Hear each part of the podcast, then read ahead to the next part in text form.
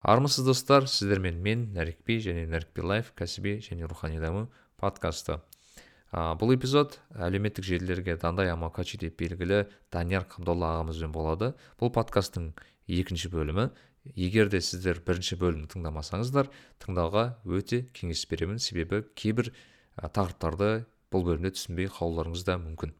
Ал егер тыңдасаңыздар қош келдіңіздер жайғасып отырып ә, немесе басқа істеріңізді жасап ә, керемет келесі екі сағат өтеді деген ойдамын. Иә бұл өте ұзақ деп ойлауыңыз мүмкін. Жоқ ә, алайда өте қызықты түрлі тақырыптар интеллект туралы ә, даму туралы жалпы мемлекеттегі мүмкіншіліктер ә, біздің жастардың мүмкіншіліктері тағы да басқа қызық қызық тақырыптарды қозғадық. Сондықтан біз бастадық. Нарик билай кәсіби және рухани даму жайлы подкаст. Продолжая вот тему вообще саморазвития и так далее есть такая хорошая вещь э, я вот очень хотел бы это обсудить особенно с вами это тема нетворкинга это прям очень такая штука недооцененная, особенно в казахоязычной, вообще, ну вообще в казахской вот, в казахском обществе вещь, и даже не воспринимается людьми, ну, типа, правильно.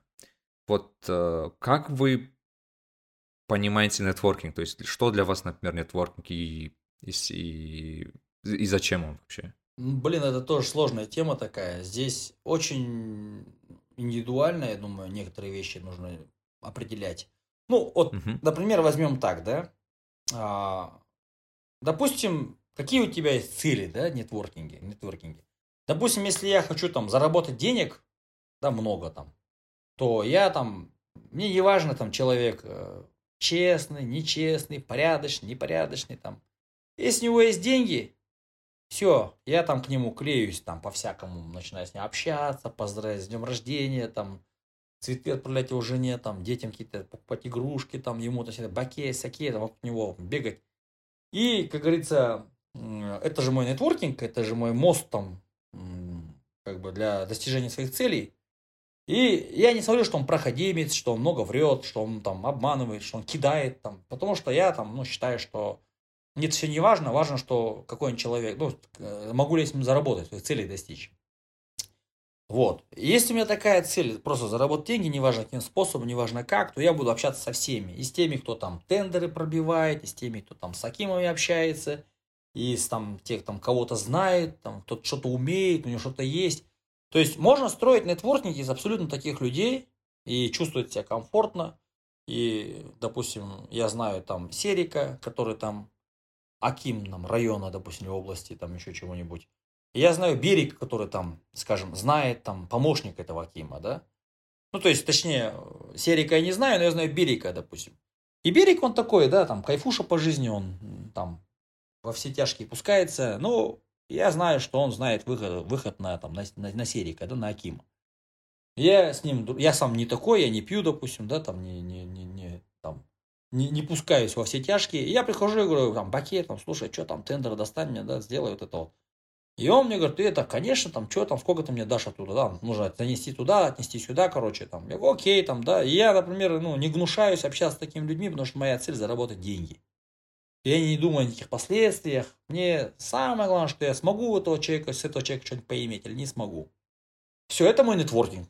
В этот момент берег мой нетворкинг, и я с ним договариваюсь, я там тоже во все пускаю схемы готовые там, да, которые есть, которые предлагаются. Ну, это нетворкинг тоже. Он работает.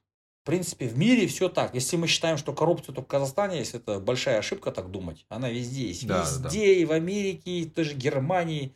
Везде все. Просто там где-то легализовано, где-то это не видно, где-то это незаметно. Но... Где-то, э, где-то, скажем так, это формально. Где да, конечно, лоббирование там интересов через, э, там, э, как называют их в Америке, сидит в Конгрессе, конгрессменов. Это все тоже платишь просто 2 миллиона долларов, и он твой просто голос отдает в пользу там, твоей компании, там, фармацевтической или IT, неважно какой, да. Это тоже там своя тема, да. Но есть нетворкинг, допустим, когда ты строишь их там по интересам. То есть ты любишь ходить там в горы с, с там альпинистическим оборудованием всем, да, альпинизм.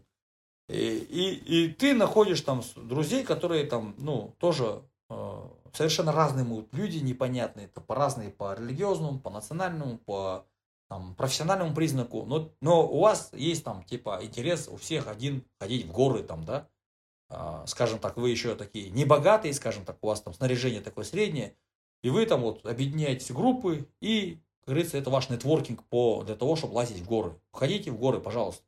Есть нетворкинг, когда вот вы, допустим, хотите просто э, дружить, там, иметь отношения, семьями дружить, там, делать какие-то дела вместе. Вы ищете людей, которые, скажем так, порядочные, да, вас э, по нравственным, морально-нравственным признакам, признаку вам близкие, да, и этих людей, э, как бы, вы с ними строите отношения.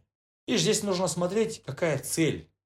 Например, я для себя усвоил одно, да, уже усвоил для себя, уже, дойдя там до 38 лет, я понял, что нужно дружить с людьми.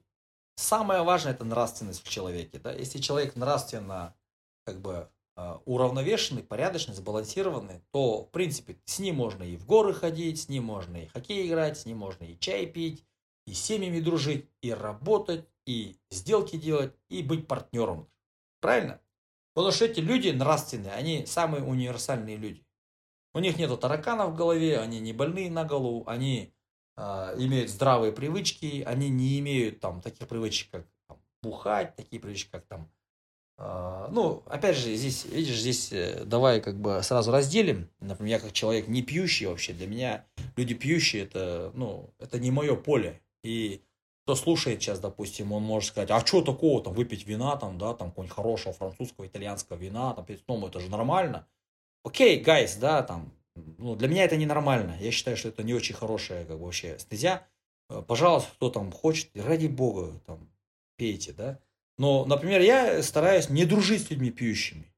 Просто не дружить. Э, я не стараюсь не дружить с людьми лгущими. Потому что есть очень много мудростей, которые к нам пришли еще там с, с прошлых тысячелетий, да. Э, даже не будем брать нашу исламскую, да, там, э, мудрость и тематику, а возьмем даже Конфуция, возьмем там э, Будду, возьмем там, другие, там, христианское, иудейское, какой хочешь, там, возьми, все эти там какие-то мысли философские, да, они все равно имеют такие там а, серьезные там а, советы да, для, в плане мудрости, как вот вести себя и как выбирать там окружение себе. Вот, э, человек там, допустим, э, гневный, разгневанный человек полон яда, говорит, да, Конфуций. То есть, опять же таки, человек, который разгневан, он может натворить все, что угодно. Человек, который гневается быстро, с ним лучше не дружить. Допустим, вот э, одно из моих любимых, да, это вот а, Сулейман говорит своему сыну, Сулейман великолепный, э, говорит своему сыну, да, сынок, перед тем, как отправишься, он его ставит наместником, э, по-моему, на границе с, сифивидами, это вот Иран, да, э, империя, и отправляет его туда как бы губернатором, да, вот, у султанов турецких была такая как бы, сначала губернатором, потом как султаном становишься, такая стезя тоже была. И вот он ему говорит, сынок, говорит, перед тем, как отправиться в путь, послушай, что я тебе скажу, говорит. Самое большое богатство это ум, говорит. Да, ну, это вот чистая капля мудрости, да, ее нужно расписывать, может целые книги написать на эту тему. Страшнейшая нищета, говорит, это невежество. Опаснейший из всех грехов – это самолюбование. Вот интересный момент, да, не самый большой грех, да, вот самый большой грех, допустим, это ширк, да, в исламе, это не верить в единое, как бы, не, бы, не, придерживаться единобожия. Убить человека, допустим, второй, да, грех идет. Там третье прелюбодеяние, да, допустим. Он говорит не эти, он говорит опаснейший из всех грехов самолюбование. Потому что люди, которые страдают самолюбованием, они обычно из-за этого как бы параметра, из за этого качества, они сильно страдают потом. Попадают там какие-то передряги, там теряют все, банкротятся, там их все кидают, их все, ну точнее их все покидают. Вот он говорит опаснейший из грехов самолюбование, да, и а, великий дар твоим потомкам твой добрый нрав. Да, вот нравственность твоя. Тоже это я на практике прям могу на каждую тему, отдельную там тему открыть, да. Потом он говорит, остерегайся, говорит, заводить дружбу с невеждой, а, ибо даже замышляя благое, он тебе навредит. У вас наверняка были случаи, когда вот, вот друг, он пытался, он хотел как сделать как лучше, а получилось как всегда, да.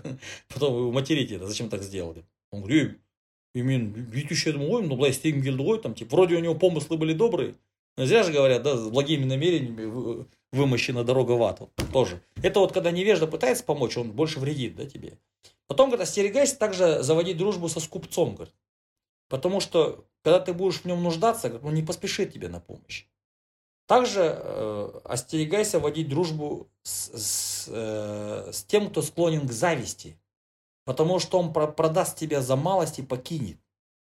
Также, говорит, остерегайся водить дружбу с лжецом, ибо он подобно миражу.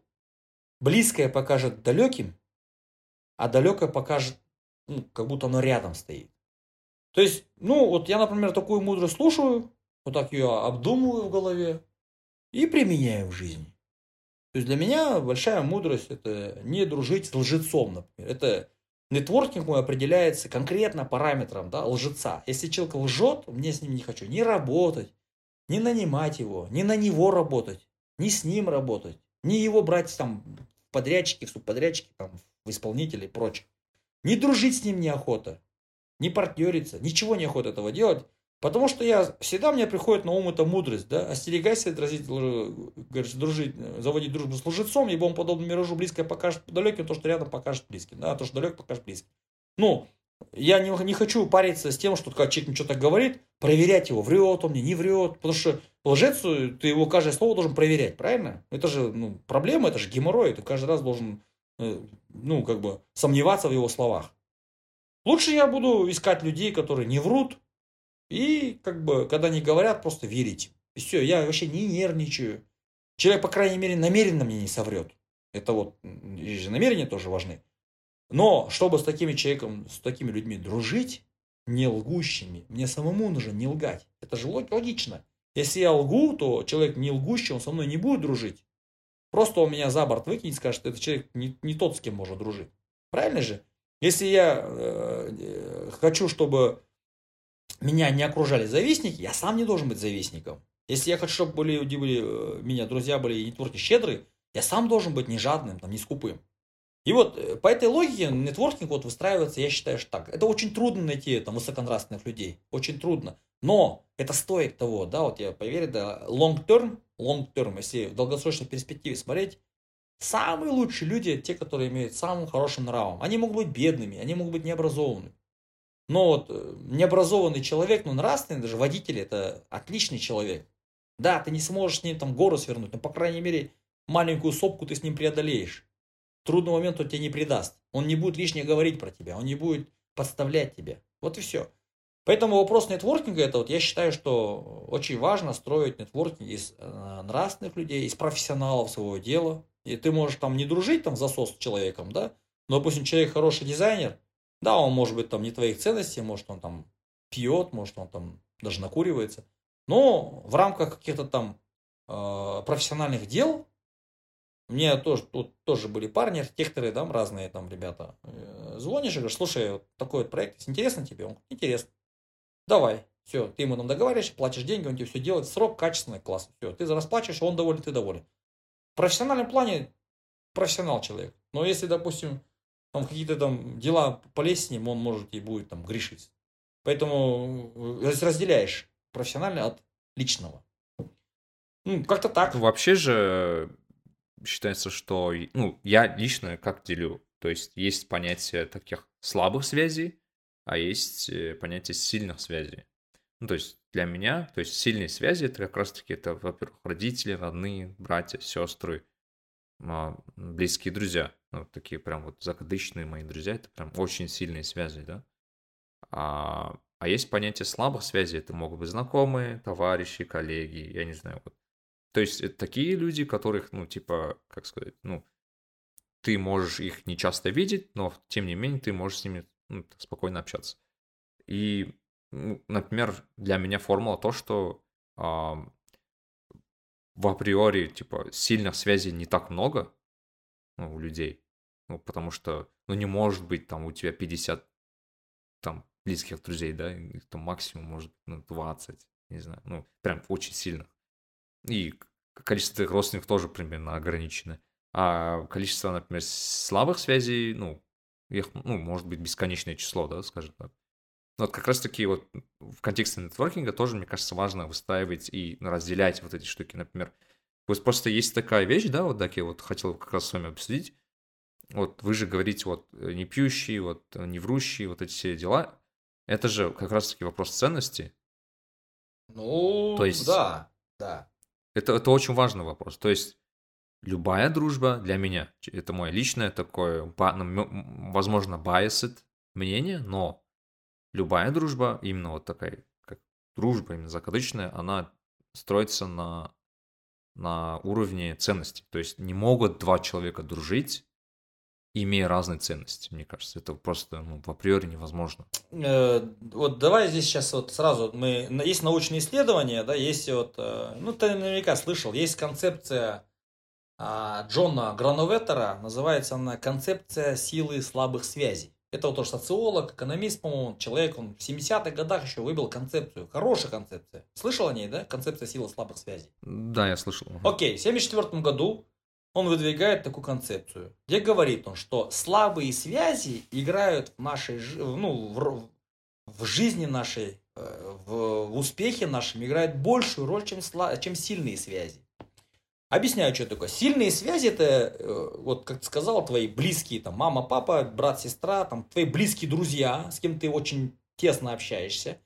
То есть твои сильные связи это люди, которые знают про тебя практически там, ну, все, да, что можно знать. То есть где ты работаешь, как ты встаешь, что ты любишь кушать, куда ты любишь ездить, твои интересы, чем ты занимаешься, чем, куда ты ездил. Вот это все они осведомлены, потому что у тебя идет с ними очень большой обмен информацией. Правильно? То есть ты о каждом шаге их знаешь, они о каждом шаге тебя знают.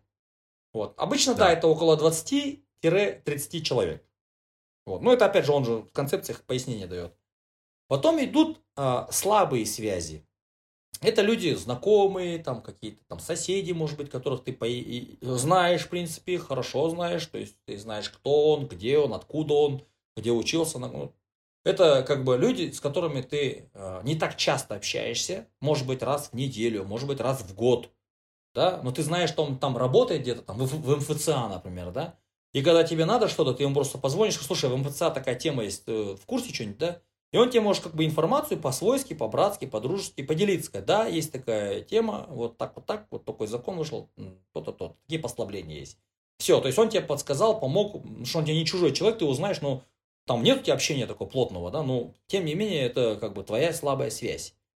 И есть э, ультраслабые связи, это вот когда ты, ну, даже имени человека, может, не знаешь, вот ты ходишь в один и тот же супермаркет, знаешь кассиршу, да, допустим, или охранника. Ну, ты его знаешь, но кто он, что он, ты его не знаешь. То есть, если ты его где-нибудь там в Греции на пляже встретишь, скажешь, э, это ты же в магазине работаешь охранником, да, он скажет, да, это я. Ты его узнаешь на улице, да, где-то, но ты не То знаешь, кто он. Имя можешь не знать, но такой помнишь. Да, а, вот ты, ты можешь, этот... Э, ребенка в садик отвел, ты, и там тоже, тоже свою там, сына или дочку в садик привел. Вот ты знаешь, что он, ваши дети ходят в один садик, но ты его знать не знаешь по имени, кто он, чем занимается, не знаешь, например, правильно? Это ультраслабые связи, они, в принципе, в нашей жизни роли никакой практически не играют. То есть самую большую роль играют в нашей жизни именно слабые связи, не сильные связи. Ну, конечно, если вы папа президент там, или премьер-министр, то сильная связь будет больше играть роль, чем слабая связь. Но в основном у среднестатистического человека самую большую роль в его карьере, в его успехах играют именно слабые связи. Почему? Почему? Э, сильные связи это обычно люди, которые и так-то друг друга знают, там, да, и вот у них очень ограниченный ресурс, да, вот. Э. А слабые связи это люди из других вообще миров. Вот, допустим, да, вот предположим, предположим, у нас с тобой слабая связь, по, по, по идее, да, ты же не знаешь, там, где я, что я каждый день делаю, ну, мы с тобой нет-нет, там, пересекаемся где-то, где созваниваемся, это раз-раз, там, раз в месяц общаемся, да, да, То есть да, да. я знаю, что ты работаешь там в букинге, допустим, мне что-то надо по компьютерным программам, что-то по Амстердаму или по букингу, я тебе позвоню, скажу, слушай, вот на Рекпе вот такая тема, там, ты можешь узнать там что-нибудь, что-нибудь, да, там, какие законы по, допустим, э, в Голландии действуют для там юридических лиц, э, какими налогами не облагаются. Или почему э, в Турции не работает букинг. Например, да, вот, вот, вот это вопрос, который именно связан с твоей деятельностью. Да. Ты мне можешь ответить сразу, сказать, да, вот такая, такая, такая-то тема есть. Все. Ну, причем я не говорю, я, слушай, там в Амстердаме есть там какая-то тема, там нужно узнать вот это, вот это, вот это вот. Тебе это интересно заработать, там, скажем, 30 тысяч евро там, за месяц, если ты там вот это, вот это проделаешь работу. Ты говоришь, да, эту работу я нахожусь там физически. Допустим, какие-то ребята хотят с Амстердама купить какие-то там семена, не знаю. Там. И просто нету доверенного человека, да, который там весь процесс проконтролирует, отгрузит, погрузит, там ума не надо, просто ну, чтобы ты был представителем какой-то компании, да. У меня друзья, допустим, работают там, не знаю, покупать семена, и они меня спрашивают, блин, Голландия, таныйтын біреу бар ма? Я говорю, я нарикбе деген бір жігіт бар, нормальный жігіт па, ну, типа, доверять можно? Я говорю, доверять можно, я тебе голову на отсечение даю, он нормальный, короче. И они говорят, пускай он там, там, там мы на 2 миллиона покупаем семена, пусть он там, блин, поприсутствует, там, потратит там, каждый день уже ходить, там, 10 дней подряд. Ну, 20 штук евро дадим, блин. Пусть он походит только. Все, я тебе звоню, говорю, слушай, такая тема, тебе интересно, тебе, ты найдешь 10 дней? Ты говоришь, да за 10 дней, за 20 штук евро я там отпуск возьму там на 2 недели. Ну, например, да, грубо говоря. И ты да. начинаешь там ходить и, там моих друзей представителем быть. Все, отгрузка прошла, удачно, ты там э, семена тебе отправили, все, они там встретили, они тебе на счет закидывают 20 тысяч евро. То есть ты благодаря маме или папе это заработал или нет? Нет. Вот, то есть ты заработал эти деньги благодаря своим слабым связям, понимаешь? Или, допустим, ты там говоришь, что у тебя там какой-то там отец там друга твоего хочет построить там, не знаю, гостиницу какую-нибудь, да, допустим, в Алмате в горах. И, типа, твой друг у тебя спросил, е, білетін біреу бар ма нормальный салатный гостиница, например, да? И ты, у тебя на ум пришло, что я там, допустим, это могу сделать. И ты мне звонишь, говоришь, слушай, там вот такой вот есть объемчик, там на 10 миллионов долларов, там, бутик-отель нужно сделать в горах, там, сможешь это сделать? Ну, конечно, давай. То есть, что, я сам нашел его? Нет. Ты мне помог. То есть, ты моя слабая связь, ты сыграл роль вот в этом, как раз таки в этом вот, в этой сделке. Вот. Вот, понял, да, как работают слабые связи? Да, да, да. Я могу на простом примере, да, сказать. Вот, допустим, в Алмате там проблема садиков, допустим. Я э, там ищу для своего ребенка садик, не могу его туда устроить. Я звоню маме, папе, брату, свату, там, ну, у меня в близком кругу никого такого нет, у кого там кто-то в садике работает, там, директором или воспитателем в садике. И я начинаю писать там где-нибудь там в каких-то в сетях, где-нибудь так, ребята там, у кого там мне нужно ребенка устроить там садик там на Аблайхана, допустим, да, есть у кого-нибудь, и там, и у меня кто-то из знакомых, я вообще не ожидал, что у него кто-то есть, и там мы с ним там коллеги по цеху когда-то были, да, там, работали там на какой-то стройке, он инженером, я там тоже инженером был. И он мне говорит, слушай, у меня же сестра родная, там, директор садика, да, на Аблайхану. Давай я поговорю с ней. Конечно, устроим. Ты что, ты же брат мне там. Все, он разговаривает с сестрой, хотя там мест нету. Сестра там делает, чтобы место было для меня. Понимаешь? Потому что мой друг там, она не может брату отказать, а он мне друг близкий. И он прям за меня топит. Я не благодаря своей маме и папе и брату Свату устроил своего садика в садик, а благодаря устроил сына в садик, а благодаря именно своей слабой связи. То есть это вот так работает. Вот слабые связи это вот... Такой очень жизненный кейс. Да, это во всем. Там, вот когда там кому-то врач нужен какой-нибудь второй городской больнице, там у него дядя попал сердцем. Это и... на самом деле, вот многие сейчас думают, да, такие вот, поделюсь, многие же сейчас думают, что это в Казахстане так. Нет, на самом деле, какой это везде так. Это везде, везде так. Вот. Почему в Америке целая наука есть, нетворкинг? Целый, я книгу купил, это недавно тоже в Инстаграм выкладывал, это нетворкинг для интровертов. Это трудно, интровертам трудно строить нетворкинг, но там очень дельные советы, как интроверту выстроить очень качественный нетворкинг. Очень качественный. Поэтому эту тему надо изучать, эту тему нужно постигать и на практике применять. Одну теорию голой читать, это смысла нету, надо ее еще и применять. Implementation уже делать в жизни. Это вот что касается нетворкинга, да, то есть концепция силы слабых связей, думаю, каждый здравомыслящий, уважающийся человек чем смотреть сериал там, или играть в игру, лучше взять эту концепцию, она там занимает 10, может, 15 страниц всего. Даже Википедия она может нам подсказать. И это можно как бы в голову себе куда-то там найти место и туда эту концепцию запихать, чтобы она в голове была. И чтобы по этой концепции человек мог двигаться. Вот, это нужно строить нетворкинг обязательно. И нужно понимать, что люди, которые вот Опять же таки, вот ты, допустим, это отдельный какой-то мир со своими знакомыми, кучей там у тебя своих друзей, которых я не знаю, например.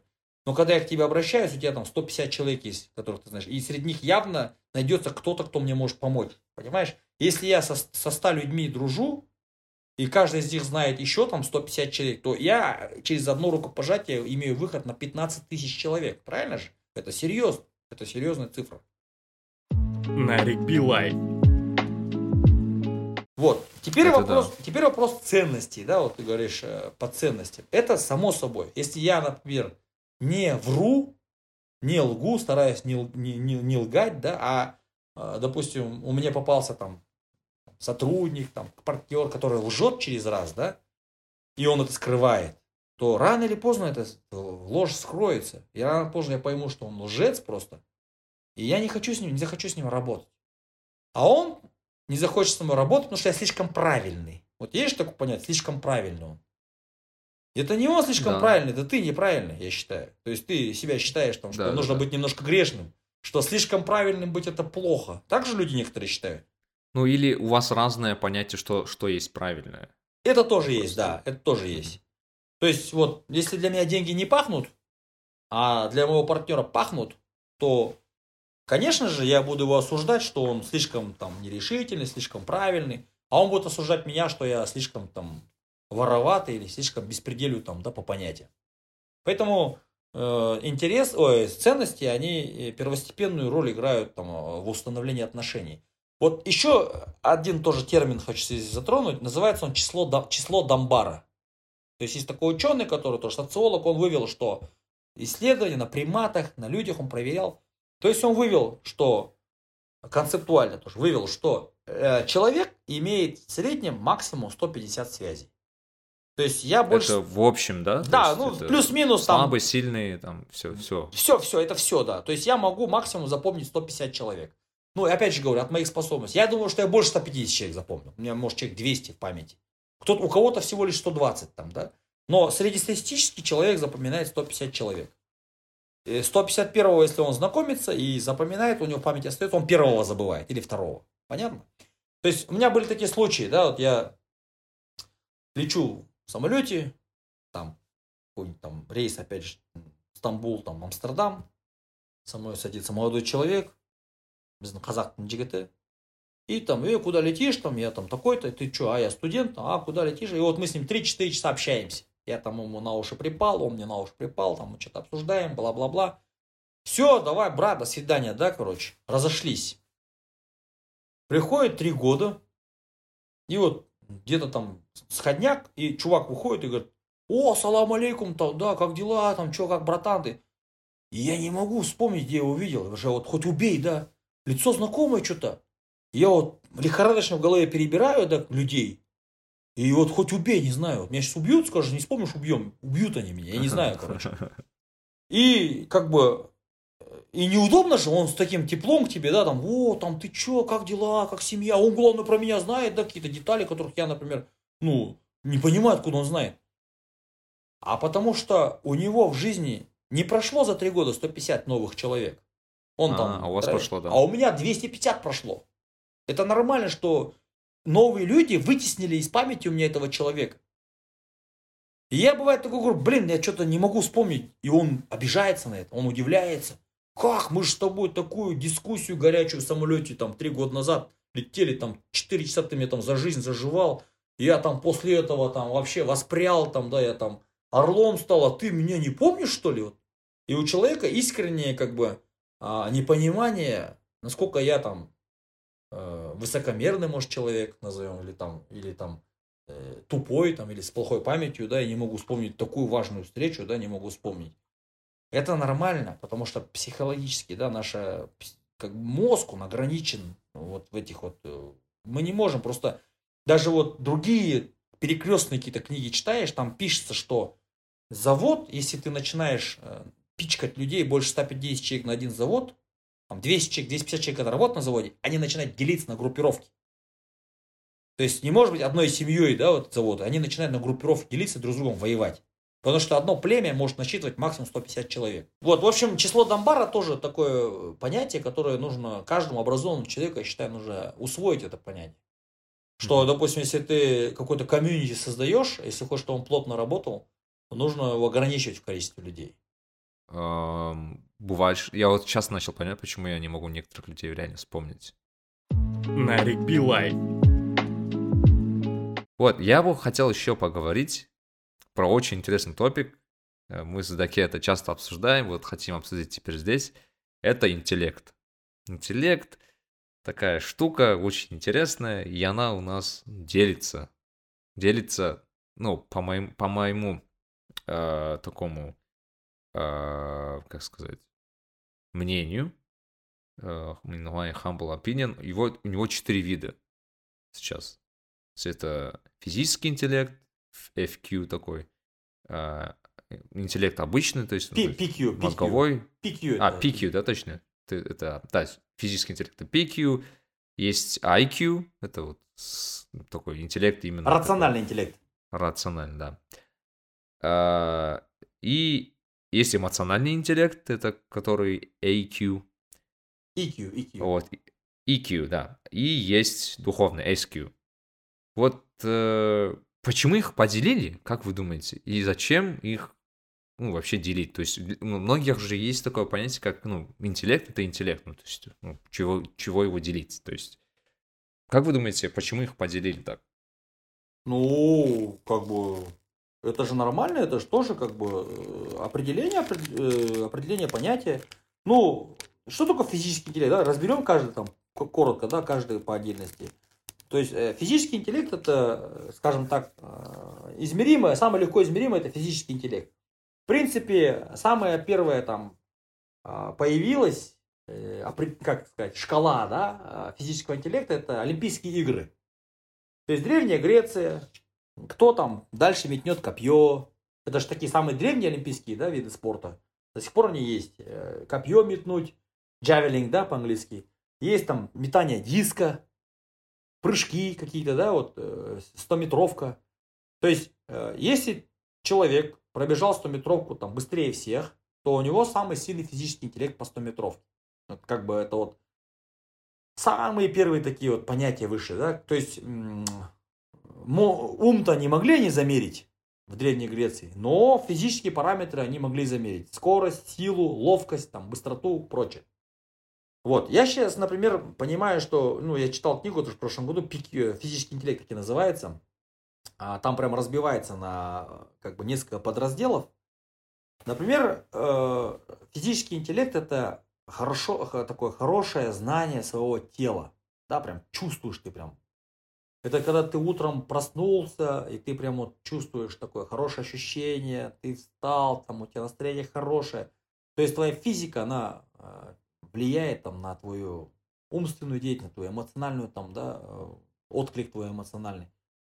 Вот. Например, люди, которые там, с лишним весом, они трудно, тяжело ощущают там, всю полноту жизни, да, потому что они э, просто глухи к некоторым вещам. Люди, которые там э, спортом регулярно занимаются, кстати, правильное питание тоже способствует там, хорошему физическому интеллекту. Очень важно, что мы все опихаем, как говорится. Если мы джанк-фуд едим, то у нас этот джанк-фуд заполняет все клетки, и потом у нас начинаются сбои да, в метаболизме, в обмене веществ. Потом накапливаются болезни хронические и прочее, прочее, давление, там еще что-то, и все. Поэтому физический интеллект в наше время это хорошее как бы понимание своего тела. Вот, допустим, вы хотите, а проголодались, хотите кушать, да, вы только тогда идете кушать. Не, ну, как бы много, на эту тему очень много всякой информации, очень много книг написано. Допустим, если хотите пить, вы должны понимать, когда нужно пить, что пить, воду пить, да, или, там, или чай пить, э, травяной какой-нибудь. Вот, потом вы спокойно можете там, ну, вот, знать, прыгнете вы вот это расстояние или не прыгнете, поднимете такой вес или не поднимете, там, марафон пробежите за 3 часа или не пробежите. То есть прокачивание физического интеллекта это, это ну, здоровье, это здоровье. То есть здоровье очень сильно зависит от нашего физического интеллекта. Вот тоже поверь мне, да, вот очень много людей, которые просто мертвы в плане физического интеллекта. Просто, ну я тоже не скажу, что я идеальный, например.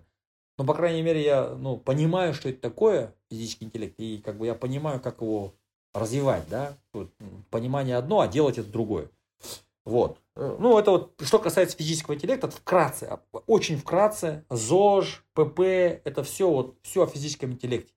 Поднимание там тяжестей, силовые нагрузки, аэробная нагрузка, аэробный, анаэробный вот даже я вот люблю бег, например, да, даже сам бег это целая наука, да, какие кроссовки выбрать, какие шорты выбрать, какую погоду, как одеваться, как осанку держать, как ногу ставить, каденс, да, э, пульс, какой пульс оптимальный, когда ты бежишь там на ускорение, там как нужно, пульс какой там, ну, есть же интервальный бег, такие понятия, да, есть. То есть стайерский бег, спринтерский бег, э, какие мышцы задействованы, не знаю, много-много-много всяких терминов.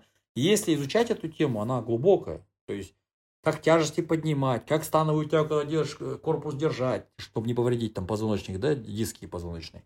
В общем, физический интеллект все об этом. Это знание здоровья, это знание своего тела, это знание, чем питаться, как питаться, когда питаться, и диеты там разные, и как бы вот, э, вот это все. То есть понимание своего тела. Это вот физический интеллект.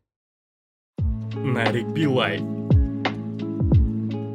IQ это уже более позже э, выведено было понятие, по-моему, к 19 веку относится, если не ошибаюсь. IQ-тест это как раз таки то, что выясняет, вычисляет у человека его скорость мышления, его логическое мышление, его там, не знаю, абстрактное мышление, что-то еще.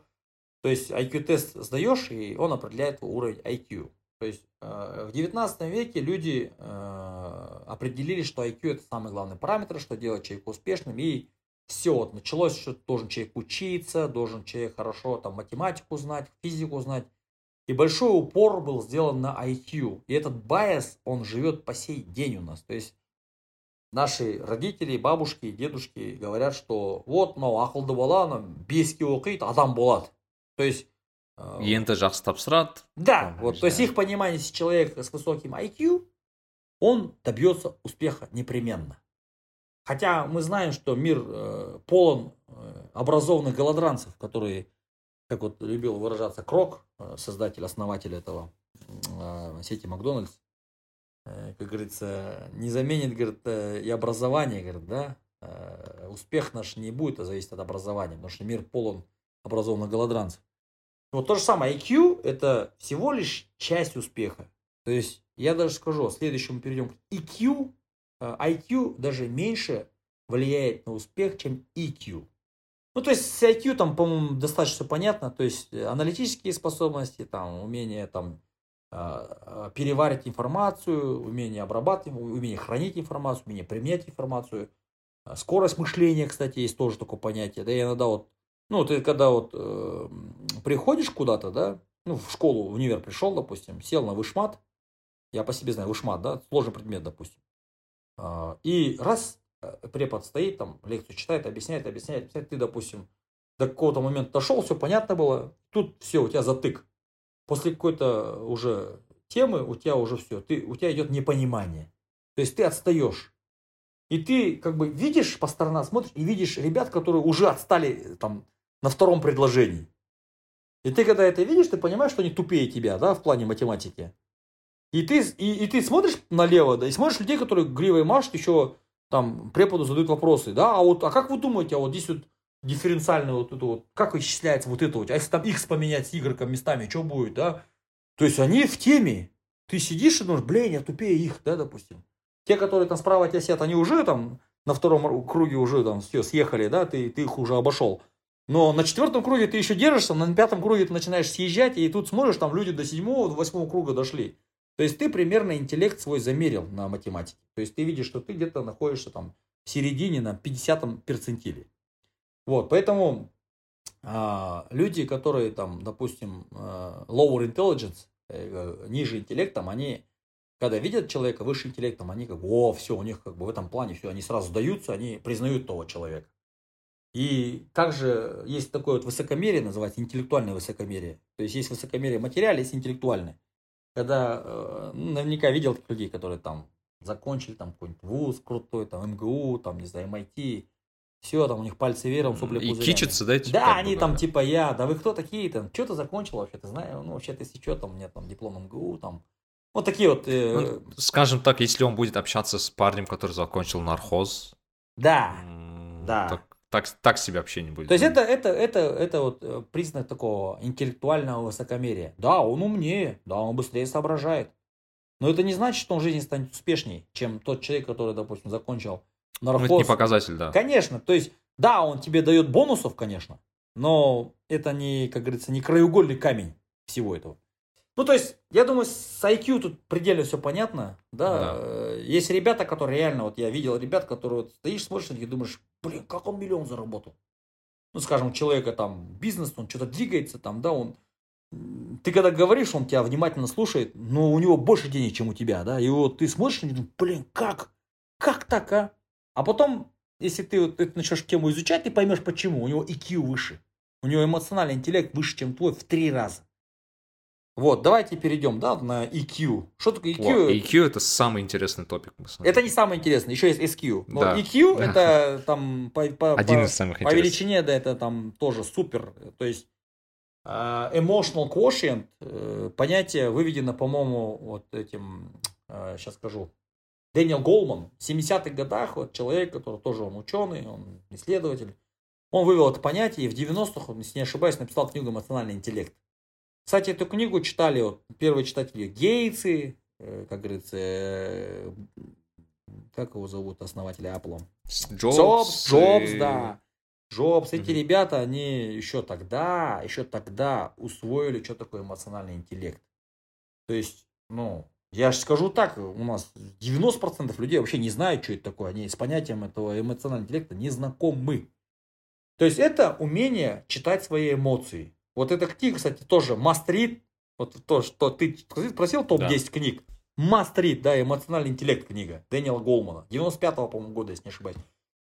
То есть он там описывает, что такое эмоциональный интеллект. Что такое уметь читать эмоции. Свои, чужие. Да, если ты умеешь свои эмоции обуздать и умеешь ими управлять, то ты уже крутой чувак. Ты можешь там плохо шарить в математике, но если у тебя там управление гневом или управление страхом сильнее, то ты уделаешь всех этих математиков. На примере, поясняю на примере, да, есть понятие street mind, есть понятие book mind, правильно? Есть book-minded people, есть street-minded people. Book-minded people – это люди, которые интеллектуалы, интеллигентные люди, там, в галстук, бабочка, там, все дела, да, э, книги под мышкой, и он там много знает, он хорошо вычисляет, хорошо считает, он там умные вещи может говорить. Это такой чувак, скажем так, book- book-minded person, да. И street-minded – это человек, который живет по уличным законам. Он может на понт взять, он может там блефануть, он может припугнуть, он может подкупить, он может интригу замутить. Короче, это человек, который, ну, скажем так, он э, закон джунглей, да, хорошо знает. Вот. И вот представь себе, что какой-то парень, да, там, с образованием хорошим, какая-то идея хорошая появилась он решил бизнес там замутить, да, Э, скажем так, э, бандит, человек там, ну, даже не бандит, человек там, street-minded person, да, кто, скажем, рос в 90-х, вот как мы вот росли в 90-х, да, я это не скажу, что я человек 90-х, но в детстве я зацепил конкретно 90-е, я понятие 90-х знаю, не понаслышке. Значит, я открыл магазинчик какой-нибудь там по, скажем, по, я продаю ну, продукты питания, да, например. Просто банальный такой бизнес, продукты питания. Продаю, у меня все классно идет, и тут вот этот, назовем его там, книжный червь, очкарик, да, э, ботан, через там два дома тоже открыл магазин, продает, э, как бы у него маркетинг хороший, у него вывеска хорошая, у него стратегия хорошая, он там HR применяет, э, все эти системы применяет.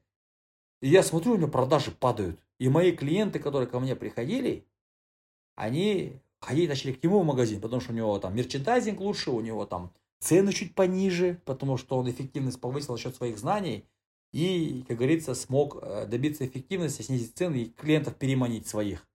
То есть я делал выручку, скажем, в месяц миллион тенге, а теперь выручка моя стала там 500 тысяч тенге. Нифига себе. Я зарабатывал раньше там 300 тысяч в месяц, а теперь я зарабатываю 100 тысяч в месяц. Нифига себе, думаю, блин, как так, а? И вот Эмоционально это очень сильно, да. Да, я, я, я просто, да, вот, э, ну, думаю, как, и ничего не могу сделать, он умнее меня, он, все, он, он умнее, он стратегически сильнее. Что я могу сделать в этот момент? Я его ловлю возле подъезда и говорю, слушай, ты что, типа, свой магазин открыл там, да, ты жить хочешь вообще или что? Или ты магазином своим дорожишь? Он застрахован у тебя от пожара вообще? Как думаешь? Да, я вот эти вопросы прихожу, не мигая, смотрю на него возле подъезда. Без крика, без шума, я ему спокойно в лицо, не моргая, это ему говорю. Все, он стоит, как вкопанный, да, вот так. И вот у него дар речи пропал. Ты говоришь ему, слушай, ты этот, ну, наверное, закрой свой магазин лучше, а? Ну, ты же не хочешь неприятностей. Развернулся, сажусь в машину и уезжаю. Теперь это его проблема стала. То есть он теперь с ночами не спит, Он ему мерещится, что его возле подъезда поймают, кто-нибудь ему по башке арматуриной даст, он, ему снится ночью, что у него там пожар в этом, как говорится, в магазине все горит, а он там взял деньги в кредит немножко, чтобы этот магазин там, да, ментам, пожалуйста, он не может, там, полицию заявить не может, э, бандюков у него друзей нет, он же интеллигент же, он же считал их овощами и отсталыми людьми же, бандитов же. То есть, как бы ему как бы никого... Ну, book-minded такой чувак. Да, он там понадеялся на свой интеллект, он же там умный чел, чувак же, крутой, базара нет там, да, ну все, там, хавает там книги, концепции, теории он хавает. Но э, тут все, он спать не может. Я говорю тебе, поверь, такие ситуации были, я в жизни видел таких людей много. И вот, э, и что он в итоге, у него, он сам себя съедает от переживаний, потому что он своими эмоциями не управляет, страхом, у него хладнокровие пропадает, у него нет хладнокровия. То есть у него низкий IQ, да? Вот IQ у него низкий, да, он испугался, от того, что он испугался, он, у него мысли сбиваются, у него не работает голова, он не знает, какое решение придумать. У него каждый день, и вот знаешь, когда живешь, только проблема, что тебе каждый день по башке могут возле подъезда дать, и домой, когда заходишь, ты озираешься по сторонам, правильно же? Ты какой-то человек с подъезда выходит, ты шугаешься просто. Ну да. Вот. И почему? Потому что у него низкий эмоциональный интеллект. И он book-minded person. Он не street-minded. А миром правят именно street-minded people. Такие дерзкие ребята, скажем. Дерзкие ребята, которые, ну, они не...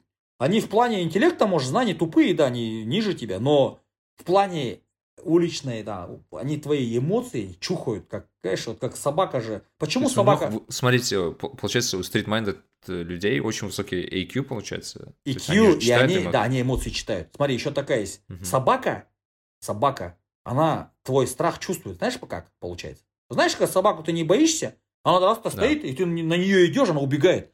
А когда ты, она так стоит, рычит на тебя, рычит, да?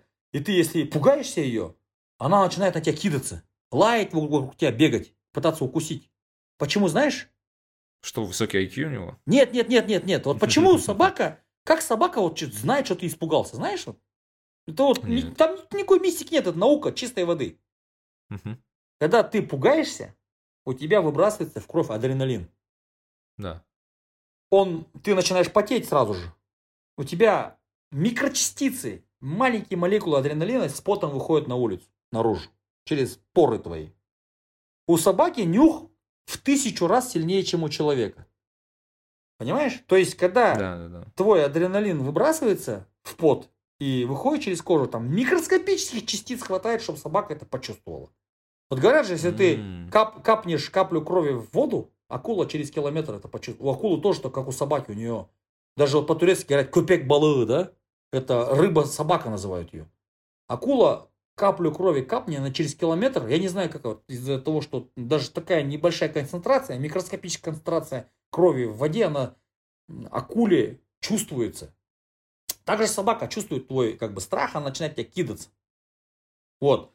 Здесь то же самое. Ты когда э, вот испугался, человек street-minded, он твой страх сразу читает. А вот book-minded person, да, вот интеллектуал, он страх не может читать страх другого человека, его переживания, его надежды, его эмоции вообще он читать не умеет. Вот, а мы, люди, эмоциональные существа, мы больше принимаем решения, исходя из эмоций, а не рационального ума. Поэтому эмоциональный интеллект, он сильнее у тех людей, которые там, скажем, street-minded. И они на страхе, на там, доверии, на неуверенности, на, там, на надеждах могут хорошо играть.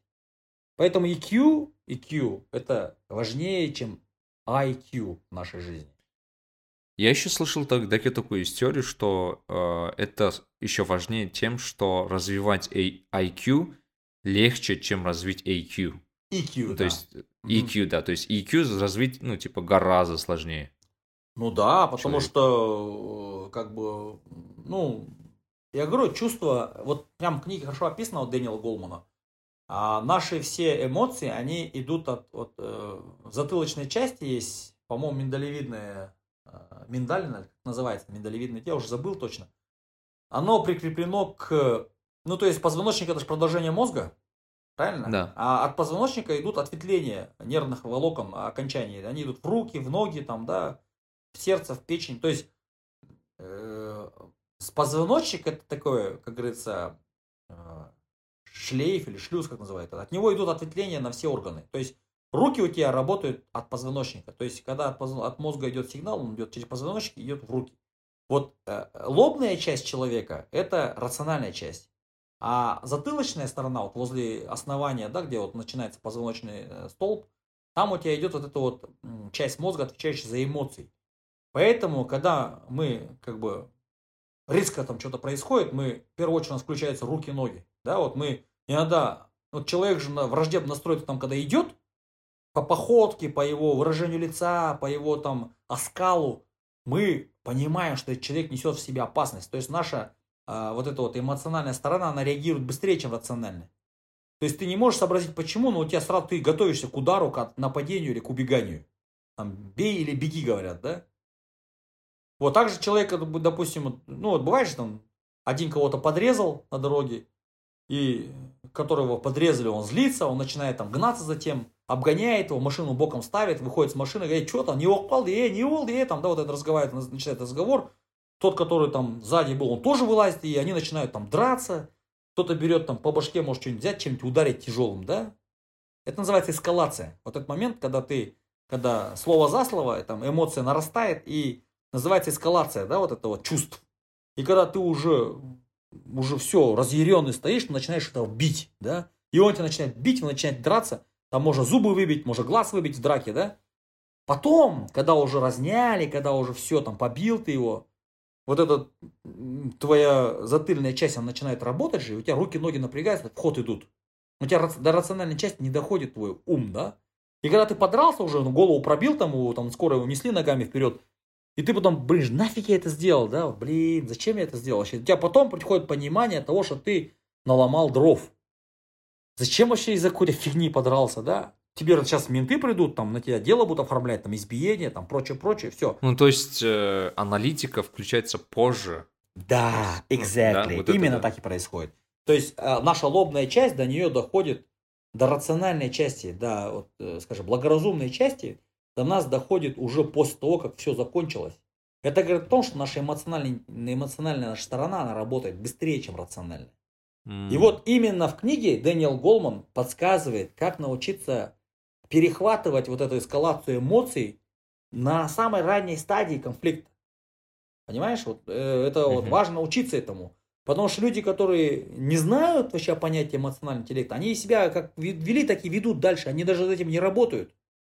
Но если ты поймешь, как работает эмоциональный интеллект, ты можешь его прокачивать потихонечку. Когда говоришь, блин, все, я завожусь. Все, я завожусь, надо стыть, все спокойно. Вот одна из техник это глубокий вдох. Все, там, у тебя сразу, у тебя emotions down сразу идет. Это вот uh-huh, uh-huh. такой, тоже техника есть такая. Вдыхать, да, дышать глубже.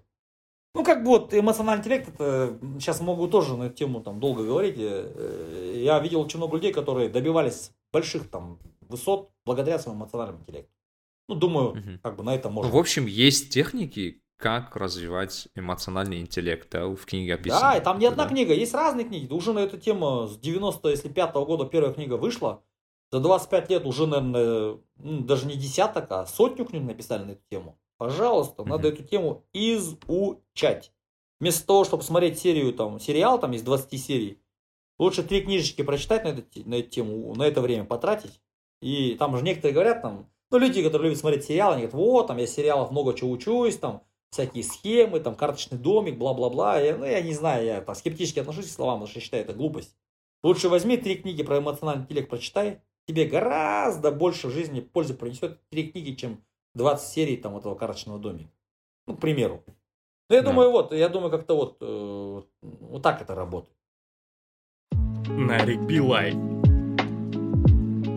Давайте вот четвертое, самый такой ход топик сейчас, это вот SQ, а, иначе как э, spiritual, да, это как можно S э, перевести, да, наверное?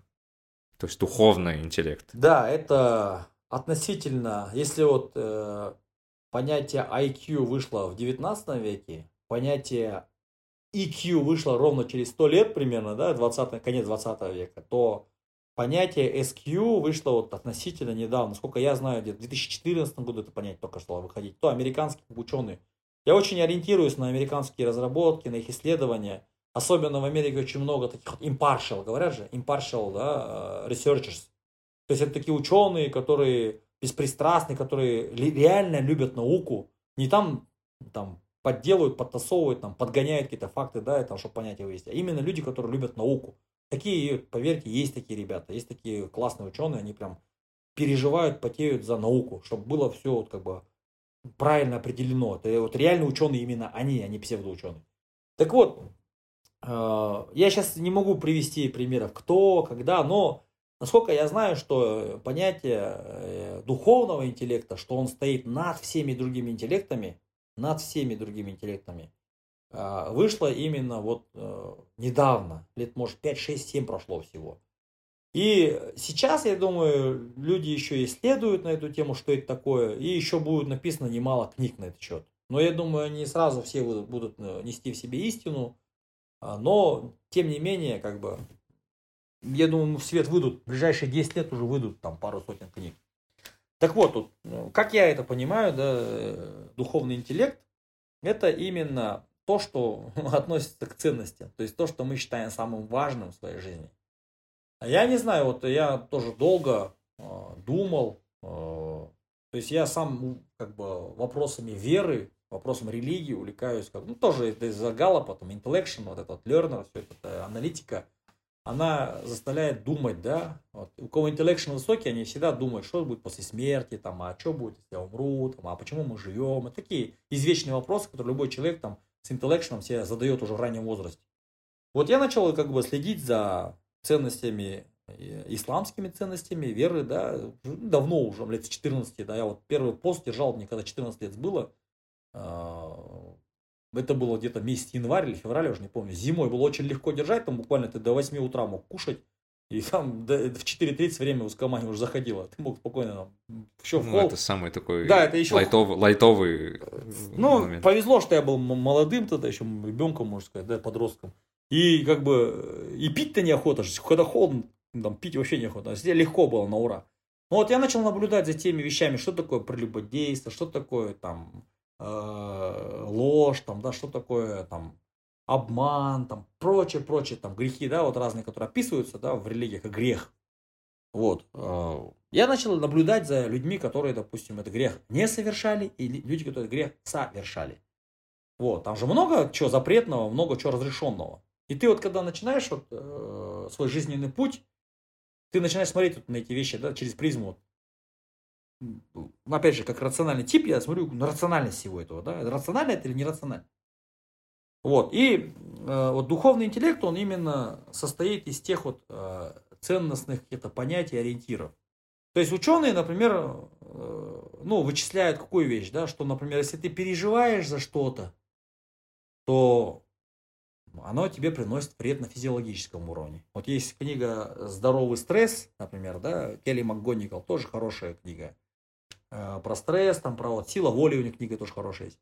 Ну, вот, к примеру возьмем, да, к примеру возьмем. Вот что такое духовный интеллект, да, вот в моем опять понимании. Допустим, возьмем Японию. Возьмем Японию. А, да. Очень развитая страна, а, очень атеистичная страна. У них а, веры в Бога там вообще нету практически. То есть, э, скажу так, люди, которые не верят в Бога и не верят в то, что там есть жизнь после смерти, и вообще имеют смутное представление об этом, им очень страшно умирать. Очень страшно умирать. Правильно же? И они да. как бы... Вот почему японцы следят за собой, за фигурой, там они там работают, там они не переедают, они там прям бегают, спортом, да, какой-то там, ну, спорт был, да, там, не набирают вес, там, все такое, за питание. Это потому, что они хотят как можно больше отсрочить смерть. По-моему, Япония занимает первое место по продолжительной жизни, там, в среднем возраст 87, что ли, или что-то такое. Но сейчас там очень много людей, которым 100 лет в Японии. Ну вот. да, они долгожители. Да, и когда вот какой-то риск есть там, да, быстрая скорость езды, там, на какую-то там скалу залезть, куда-то поплавать где-то, они страшно боятся. Если какое-то рисковое предприятие, страшно бояться. То есть представь себе, что ты человек, которому там 65 лет, ты уже стареешь, и ты, вот, ну как бы, смерть же неизбежная вещь, правильно же? Мы все это понимаем же, что это как бы ну, не надо себя тешить надеждой, что ты будешь жить вечно. Недавно даже умер вот Рокфеллер, который там 7 сердец поменял себе, да? Сам богатый человек мира, там, сам влиятельный. Э, даже он умер там в возрасте там 102 или скольки лет.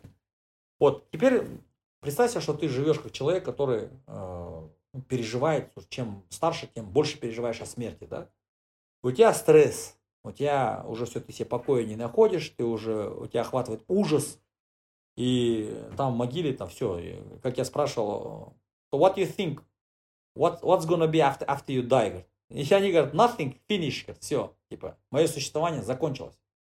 Меня, например, я на смерть смотрю как, ну, как бы с улыбкой, да, потому что, ну, да, мы умрем все, да, как бы. А что так, может, ну, завтра машина сбить, может, самолет упасть, ну, может, до 70 доживу, может, до 80 доживу. Ну, как бы на все воля Всевышнего. И смерть это не, не все, это не, не значит, что финиш, это переход в другую фазу, да, скажем там. Для меня очень четко есть понимание, что там идет после смерти.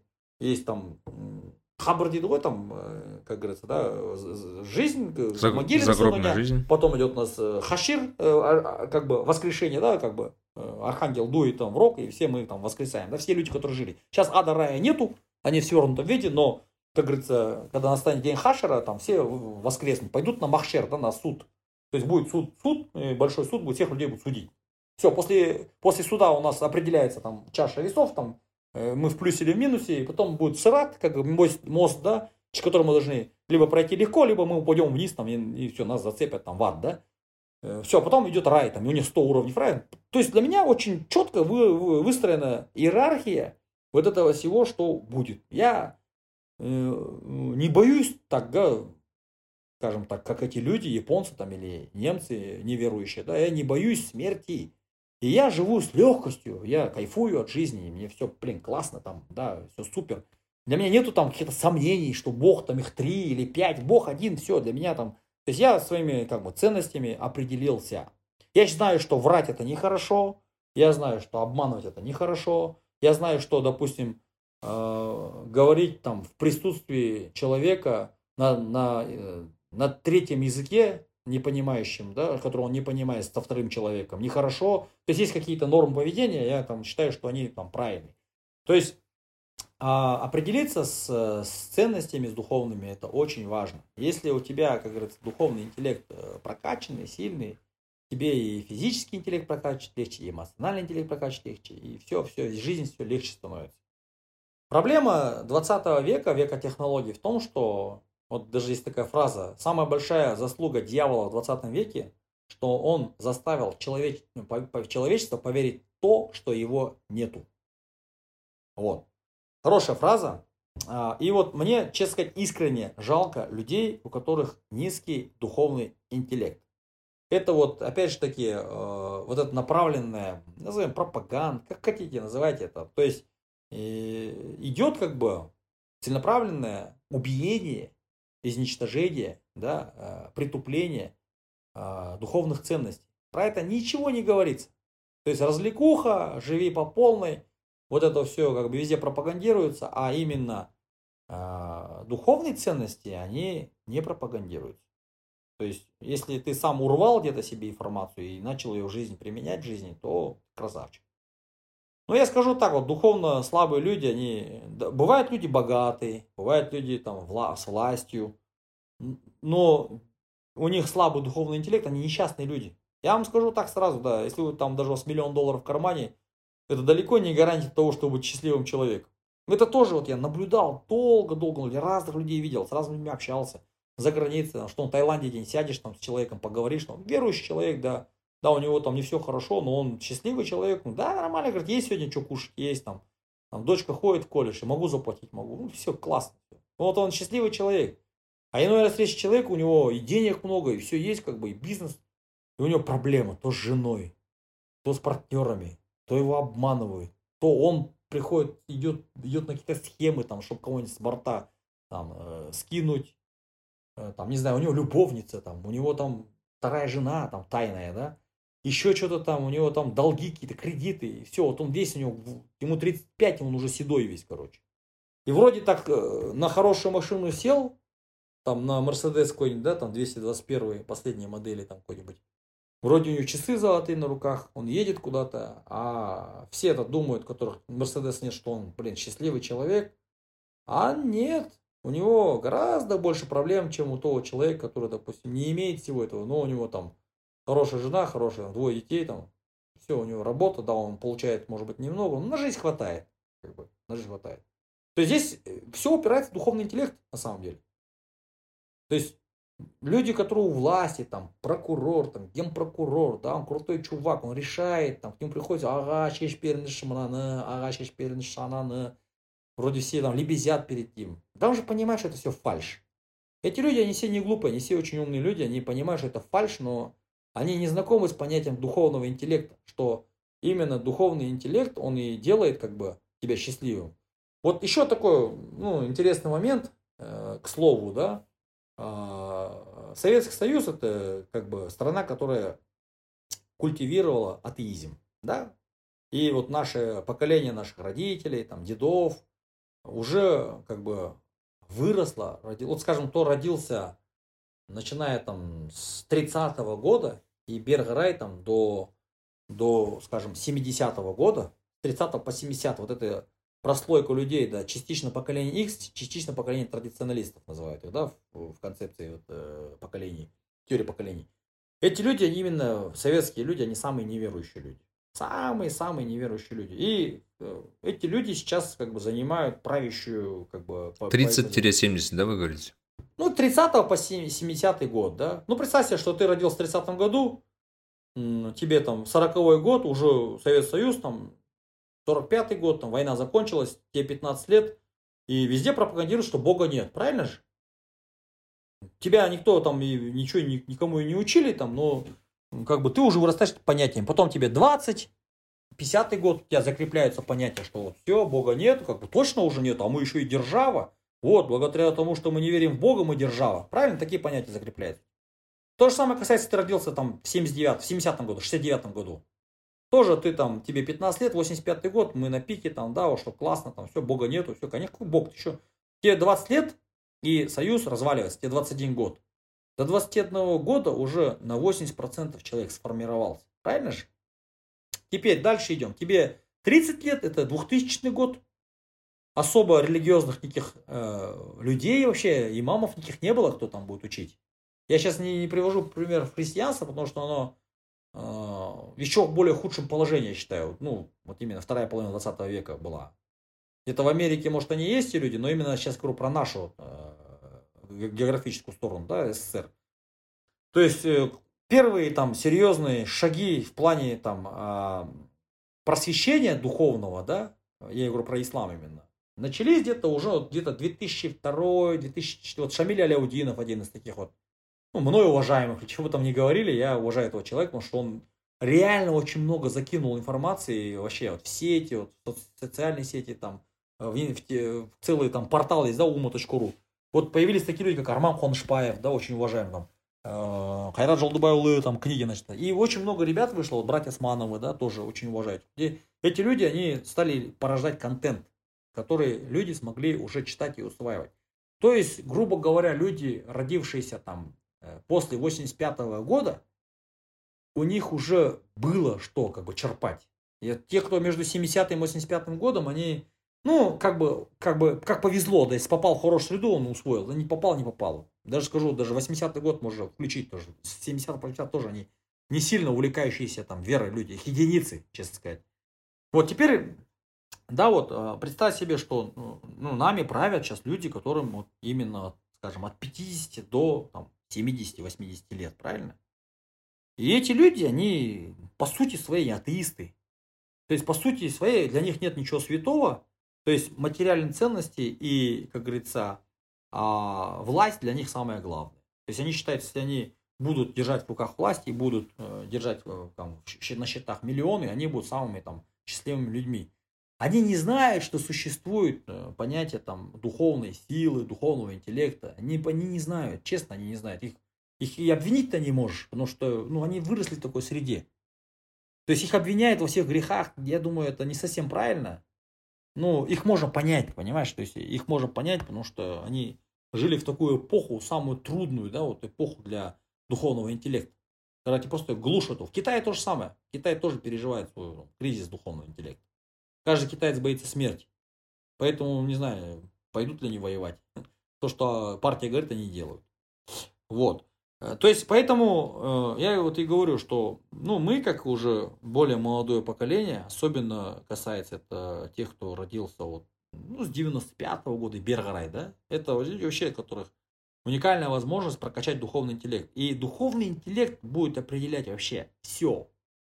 Он будет определять и эмоциональный интеллект, и физический интеллект, и, и, дух, и, и IQ тоже. Просто человек, который, как говорится, духовный интеллект прокачал, он ну, он будет, как говорится, украшением общества, назовем так. То есть он не будет врать, он не будет, он будет честно работать, он будет развивать свои таланты, он не будет там больной на голову, там, да, с какими-то пропагандистскими там идеями, промытыми мозгами, он будет, у него будет система как бы, ценностей и ориентиров. Ну, поэтому, если вот так вот говорить, кор, духовный интеллект, он западная наука пока нам не может дать этого определения. Поэтому мы склоняемся сугубо строго к апеллировать можем только а, теми как бы трудами и наработками, которые были э, открыты, скажем так, через какую-то веру. Вот. Вопрос выбора веры – это тоже целая наука. Это каждый человек должен определить для себя сам. Кто-то скажет, что православное христианство правильное, кто-то скажет, что там любитель у нас йога, там как называется это вот медитация, там Бог внутри нас, короче. Эзо... Индуизм. Эзотерика какая-то есть сейчас, нумерология есть. Окей, халас, ребята. Э, я не знаю, я для себя давно уже понял, что как бы его там не очерняли ислам, да, как бы его там не... Ведь исламский терроризм понятие относительно новое, где-то в 95 году начали показывать всех этих бородатых людей, отрезающих головы с словами Аллах Акбар, да. Но чистой воды пропагандистская тоже. Я удивлен, что, ну, как бы, вот с японцами в Америке, я когда жил, японцы спрашиваю, а что мусульмане? Ага, они же террористы. То есть э, молодежь японская, она глубоко убеждена, что ислам это терроризм, прежде всего. Потому что когда на экран выводят в день 50 раз слово исламский терроризм, конечно, все убеждены в том, что терроризм, да, это реально там опасная вещь. Но никто же... Окно Вертона. Окно Вертона, все технологии эти работают, да. И никто не хочет изучать. Вообще никто не хочет читать. Людей читающих реально мало. А если у тебя исследовательского духа нет, если ты не склонен там, да, а, докапываться до истины. Скажу даже по Гэллопу, Лернеру там только у 20% есть людей. Инпут только там у 10% людей есть. Если у тебя эти навыки, там, хотя бы один из них двоих не, не как бы не, ну, не присутствует, то ты, в принципе, не исследовать, ты копать не можешь ничего. Я исследователь, я, я копаю. Я для себя размышляю, думаю, у меня такой больше такой эмпирический подход, да, я на, на практике пытаюсь понять. То есть какая-то истина, если есть, я пытаюсь ее вот так смотря на людей, там, да, пытаюсь понять, так она или не так. И все, как бы, и, и оттуда у меня и выводы делаются все. А тот человек, который, не, допустим, не хочет понять, что такое реально ислам, что это такое, и на какие там э, вещи он опирается, естественно, ему, как бы, он будет верить тому, что в телевизоре увидел, там, дяденька там сказал Аллах Акбар и там горло перерезал какому-то человеку, да, и показали его, все. И думают, что этот, вот этот бородатый дяденька, что думает, это мусульманин. Ну, это либо актер, либо это чувак, какой-нибудь фанат, которому там запудрили мозги, там, типа ИГИЛа, типа там, разные же есть всякие течения, да, Талибан там прочее, да, я не знаю. Запрещенных много у нас, я даже сейчас не знаю всех, кто запрещен, но я знаю, что просто есть, вот есть же люди, которые из Казахстана в Сирию уезжали, есть, есть. То есть как это работает? Какой-то чувак с Кавказа, дяденька, там, на двухсотом кружаке новом, приехал, у него гражданство России, он по Казахстану двигается, якобы он какой-то бизнес там в Алмате в Астане делает, да? И вот он приезжает в мечеть там, весь такой, с акцентом разговаривает, там, брат, ты что там, да, вот. И видит, молодой парень казах сидит, да? Казах, узбек, неважно, да? Вот теперь смотрите на ситуацию глазами вот этого казаха деревенского, когда Саула приехал в поисках работы, там, выживает, и он в мечеть там как-то попал, зашел, может, его даже не в мечети даже увидели. Э, брат, э, подходи, ты что там делаешь, да, допустим. Он подошел там и смотрит, чувак хорошо одет, у него там хорошие часы, у него там классная машина, которая для него предел мечтаний. Он сел в этот джип, там, нифига себе, думает, что за дядька такой крутой. э, что, братишки, чем занимаешься там, да, э, у меня там фирма есть, я там стройкой занимаюсь, там, да, у меня цех, там, байда, приходи ко мне, там, работай. А ну нафиг думают, как так, кто такой? И, допустим, все, его зацепило чувак. Потом он его приводит там, в цех, дает ему работу, говорит, брат, там, ты знаешь, Аллах есть, там, э, это все, там, это все неверующие, все каферы, да, вот эти все начинают слова применять. Чувак, конечно, начинает это съедать, эту, как бы, монету он проглатывает. Потому что у него нету а, аналитического мышления, у него нету критического мышления, он это все за чистую монету принимает, он не начинает это есть. Естественно, через год-два он уже становится фанатом. Все, он все догмы эти как догмы воспринимает, что каферов надо убивать. И его там, естественно, этот дяденька уговаривает ехать в Сирию воевать за ИГИЛ. Потому что этому дяденьке ИГИЛ платит. А ИГИЛ, чье порождение, мы не знаем. Конечно, в политику не будем влазить. Но то, что это большой фейк, это как бы, ну, коню понятно. Если человек не образован, конечно, он там будет придумывать все, что угодно и верить всему, что по телевизору показано. Поэтому мы и имели там да, сотни людей, которые уехали от, из Казахстана, наших сограждан, с запудренными мозгами воевать, ехать там, которые на родителей сварили, говорили, что сен арақ ішесіңдер, сен кәпірсіңдер, да, вот таких же тоже много же. И потом вот, э, вот операция была, я забыл, как называется операция, их всех возвращали обратно.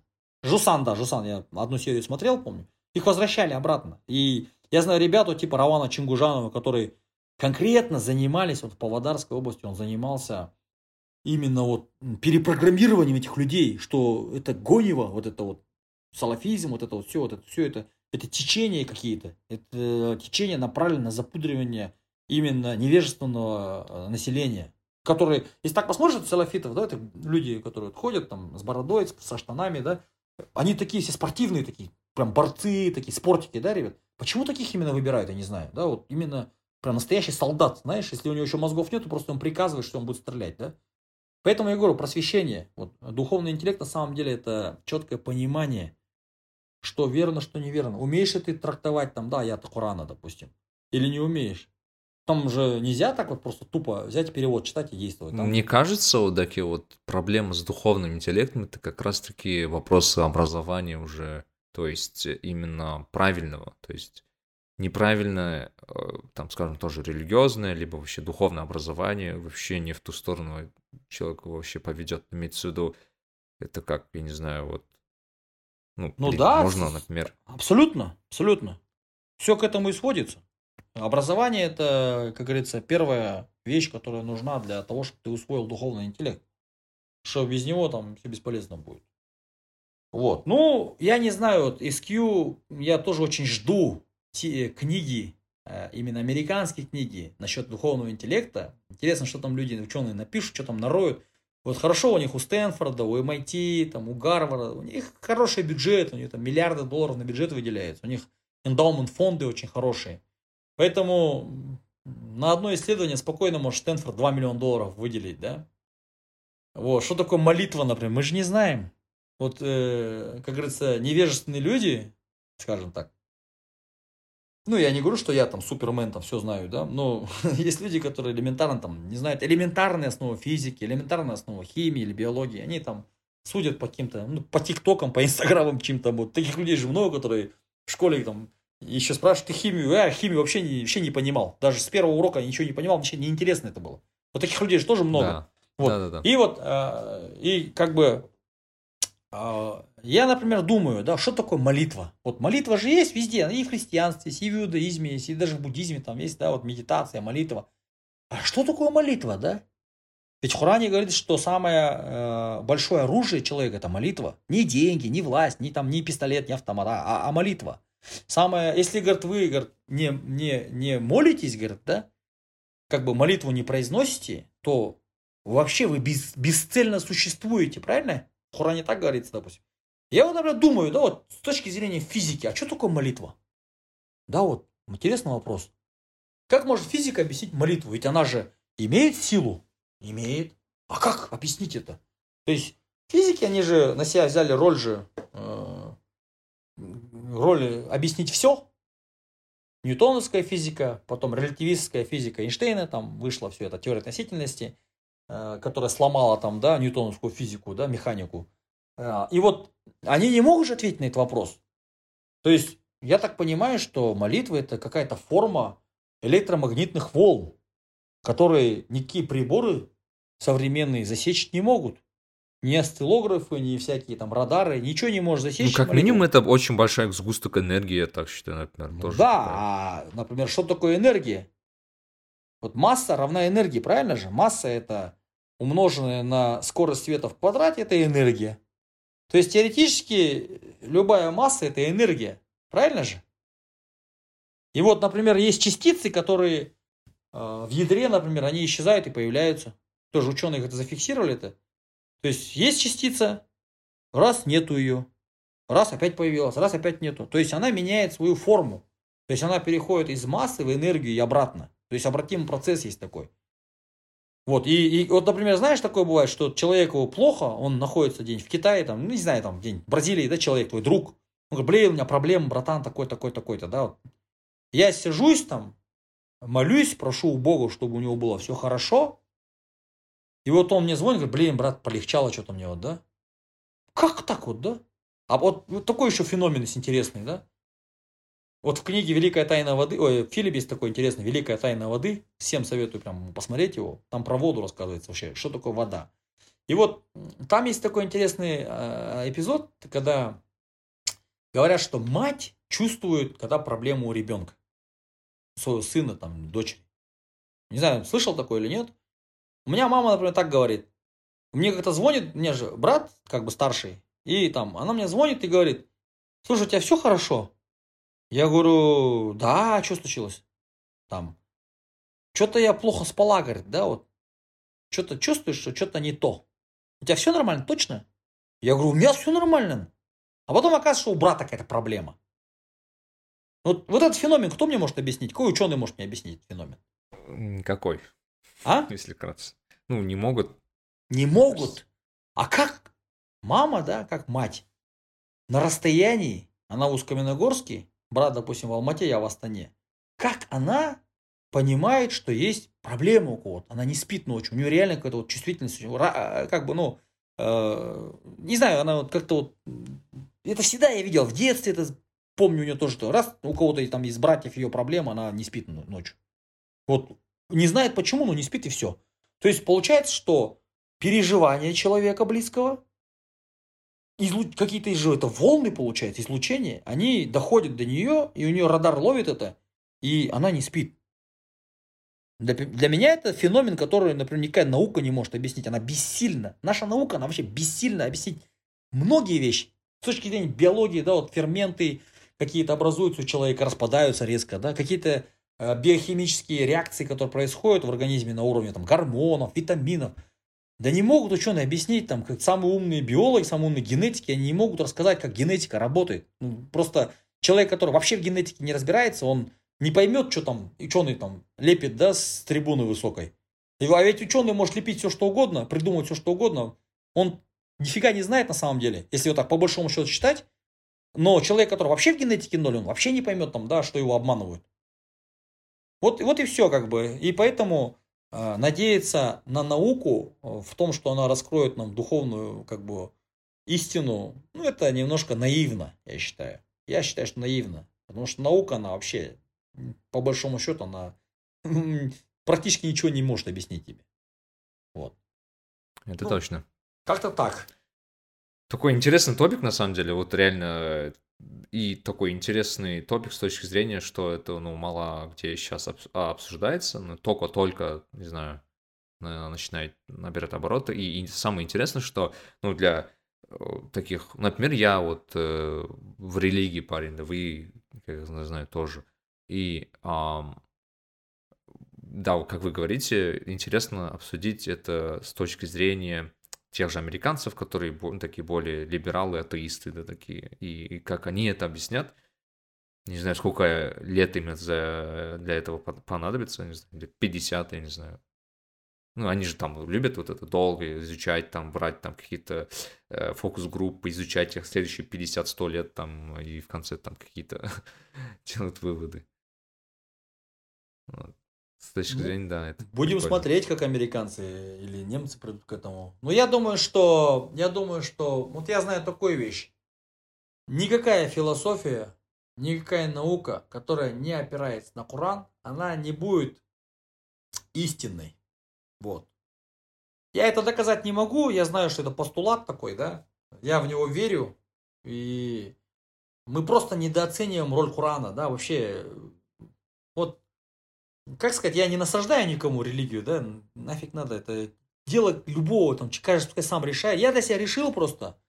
Я это ну, я очень люблю физику, я очень люблю химию, я очень люблю биологию, геометрию. По всем предметам в школе, в принципе, а из-за его импута опять, из-за моего импута. Географию очень люблю, историю очень люблю. То есть, русский язык, да, не знаю. Ну, я, в принципе, практически все предметы в школе любил и с увлечением, как бы, да, э, изучал. Да, какие-то были неинтересные, учителя были неинтересны, но, в принципе, все предметы неинтересны. Поэтому я когда беру книгу, допустим, научно-популярную, да, по биологии там что-нибудь, когда там термины идут, они мне не чужие термины, там, митохондрия расщепляется, рибозомы, там, да, аденозин-трифосфат, там, еще что-то там, какие-то там гормоны. В принципе, эти понятия у меня в голове сидят, из школьной программы биологии достаточно, чтобы понимать, да, многие вещи, которые пишутся там, да. Если на корнях что-то не знаешь, можно открыть Википедию, посмотреть там, что такое там фенолфталиин, да, например. И вот, и, и, и вот когда ты а, начинаешь смотреть на, на веру через призму науки, да, еще есть такое понятие интердисциплинарий, да, междисциплинарное, да, какое-то знание. То есть, если ты физик, чистый физик, и химии не шаришь, например, а таких ребят тоже я знаю, да, вот физики, олимпиадчики, ну, химик, я говорю, блин, я ноль вообще химии, то ты уже обрубаешь себя в знаниях сильно. Поэтому люди, которые знают чисто химию, это, так сказать, слабый ученый. Люди, которые знают чисто физику, это слабый ученый. Но человек, который знает и физику, и химию, это уже ученый там на два порядка сильнее, чем первый, любой из тех первых. Почему? Потому что он гораздо глубже понимает процесс. Вот. Как вот, это вот есть такая книга тоже хорошая. Он еще видит связи. Да, он видит связи. А если ты еще, ну просто невозможно а, знать э, все науки очень хорошо. У тебя не хватит времени, жизни не хватит, чтобы все изучить, правильно? Хотя бы даже из тех знаний, которые уже нам доступны. Вот э, когда, скажем так, Ибн Сина жил, Авиценна, то даже не было э, теории, э, как говорится, микроорганизмов, бак, бак, бактер, бактерий, как теория бактерица, бактериальная теория, по-моему, называется она. Ну, теория микробов, микробная теория, по-моему, вот. То есть он не знали просто, как думали, это кара Божия, человек просто умирает от боли в животе. Но именно Ибн Сина, там он, допустим, выводит там понятие, что есть какие-то э, процессы внутри организма, какие-то, ну, он не мог сказать микроорганизмы, но что-то такое, говорит, внутри есть в кишечнике, что заставляет там, э, как бы, человека испытывать боль и умирать. Кишечная палочка, да, его потом уже открыли, когда микроскоп появились. Вот. Э, здесь как бы это, эти люди, они были вот те же самые Аль-Фараби, там, да, Харизми, эти люди были не просто физиками, там, а, Альфараби же придумал тригонометрию. Он же был и астроном, и историк, там, и физик, и химик. Они были такие интердисциплинарные, все были эти ребята. Поэтому они, и, и, им и принадлежат такие великие открытия. Вот. А в наше время сейчас уже идет узкая специализация там, да, на науку. Вот я хороший пример сейчас придал насчет интердисциплинарий. Да, такой бытовой пример, можно сказать. Есть книга такая, называется «Теория везения». Скотт Адамс написал ее. Скотт Адамс это такой американский чувак, мультимиллионер, такой, то с чувством юмора человек, он, есть э, серия такая комиксов про Дильберта, есть такой герой, персонаж Дильберт. Если набрать в интернете Дильберт, там увидишь такой чувак э, в очках, э, такой мультяшный герой, там комиксовский. У него галстук, там, кончик галстука вверх внутри. И вот этот Скотт Адамс, он именно очень много создал комиксов на тему офисной жизни, офисного планктона. И вот этот Дильбер, его герой, он именно, э, ну, как бы, в этих комиксах отражен как герой этот, офисной жизни. Что это имитация бурной деятельности, там, дурной шеф, босс, который орет все время, там, тупые, там, не знаю, там, э, эти персонажи тоже другие, там, секретарь, секретарь такой, да, вот, э, он прикольно расписывает это все. И вот этот чувак, он в своей книге «Теория везения», он пишет, что он на 45 мест работы, что ли, поменял. Короче, он говорит, я всегда пристраивался в хорошее место, делал вид, что я шарю, меня брали на работу, я, короче, там создавал имитацию бурной идеи. Самое много я проработал какой-то весь 9 месяцев, что ли, он говорит. Остальное месяц-два, там меня, говорит, увольняли, потому что понимали, что я не шарю. Но я умел хорошо притворяться, говорит. Так вот, он говорит, что? Он как э, любитель, художник-любитель, он рисовал вот эти комиксы про Дильберта. Он хорошо знал офисную жизнь, всю ее там подковерную там игру, и он рисовал эти комиксы и просто рисовал и под кровать закидывал. У него шкафы все были забиты этими комиксами. Он их не выбрасывал, он просто диалоги прикольно рисовал комикс там, да, общение там двух там персонажей, да, и потом просто складывал везде в шкафы, везде, короче. И, ну, в один прекрасный день, где-то он в каком-то журнале, он э, ну, как бы разместил свой комикс. Как-то получилось, он продал или что там. А давай, типа, прикольная тема, давай на, офис, на тему офисной жизни, там, на последней страничке, он страничка юмора, в каком-то журнале купили у него это Дилберта за копейки там буквально. Значит, он эту, свою эту продукцию, свой труд э, размещает на этом, и в редакцию приходят там э, отзывы, там, о, прикольная, типа, комиксы у вас там, да, давайте еще. Он начинает эти комиксы продавать, да, там. Потом ему звонит с другой, там, с газеты какой-то звонит, там, с Чикаго звонит, еще откуда звонит. Со всей стороны ему начали звонить, э, потому что персонаж, персонаж Гильберта прижился в Америке, и, и как бы люди начали... Он в одно время, он, по-моему, в 2000, что ли, изданий он всего продавал своего вот этого Дильберта. То есть он 20 лет рисовал, складывал все это под кровать, шкафы забивал, и потом просто он все вытаскивал и продавал. Вытаскивал. Он мультимиллионером стал еще тот Дильберт. Теперь вот здесь вот такой интересный момент он в книге дает. Говорит, я, говорит, весьма посредственный, говорит, э, комик. Говорит. Я, говорит, у меня есть чувство юмора, но оно, как если комика взять, я там в подметке мне не гожусь, говорит. Они реальные комики, не насмешить могут. Я могу насмешить там какой-то там коллег, там, друзей, ну, анекдот затравить, но я не тот человек, который может там толпу развеселить. А художники тоже посредственные, говорят. Я там картины маслом рисовать не умею, там какие-то композиции, экспозиции, это ничего не умею, говорят. Я просто люблю рисовать, ну, такие несложные рисунки. Так вот, если сложить, как бы, мои два вот эти качества, то есть у меня чувство юмора лучше, чем у 80% людей, и я рисую лучше, чем 80% людей. Но мои шутки лучше, чем у 90% художников, и я рисую лучше, чем 90% комиков. Понимаешь?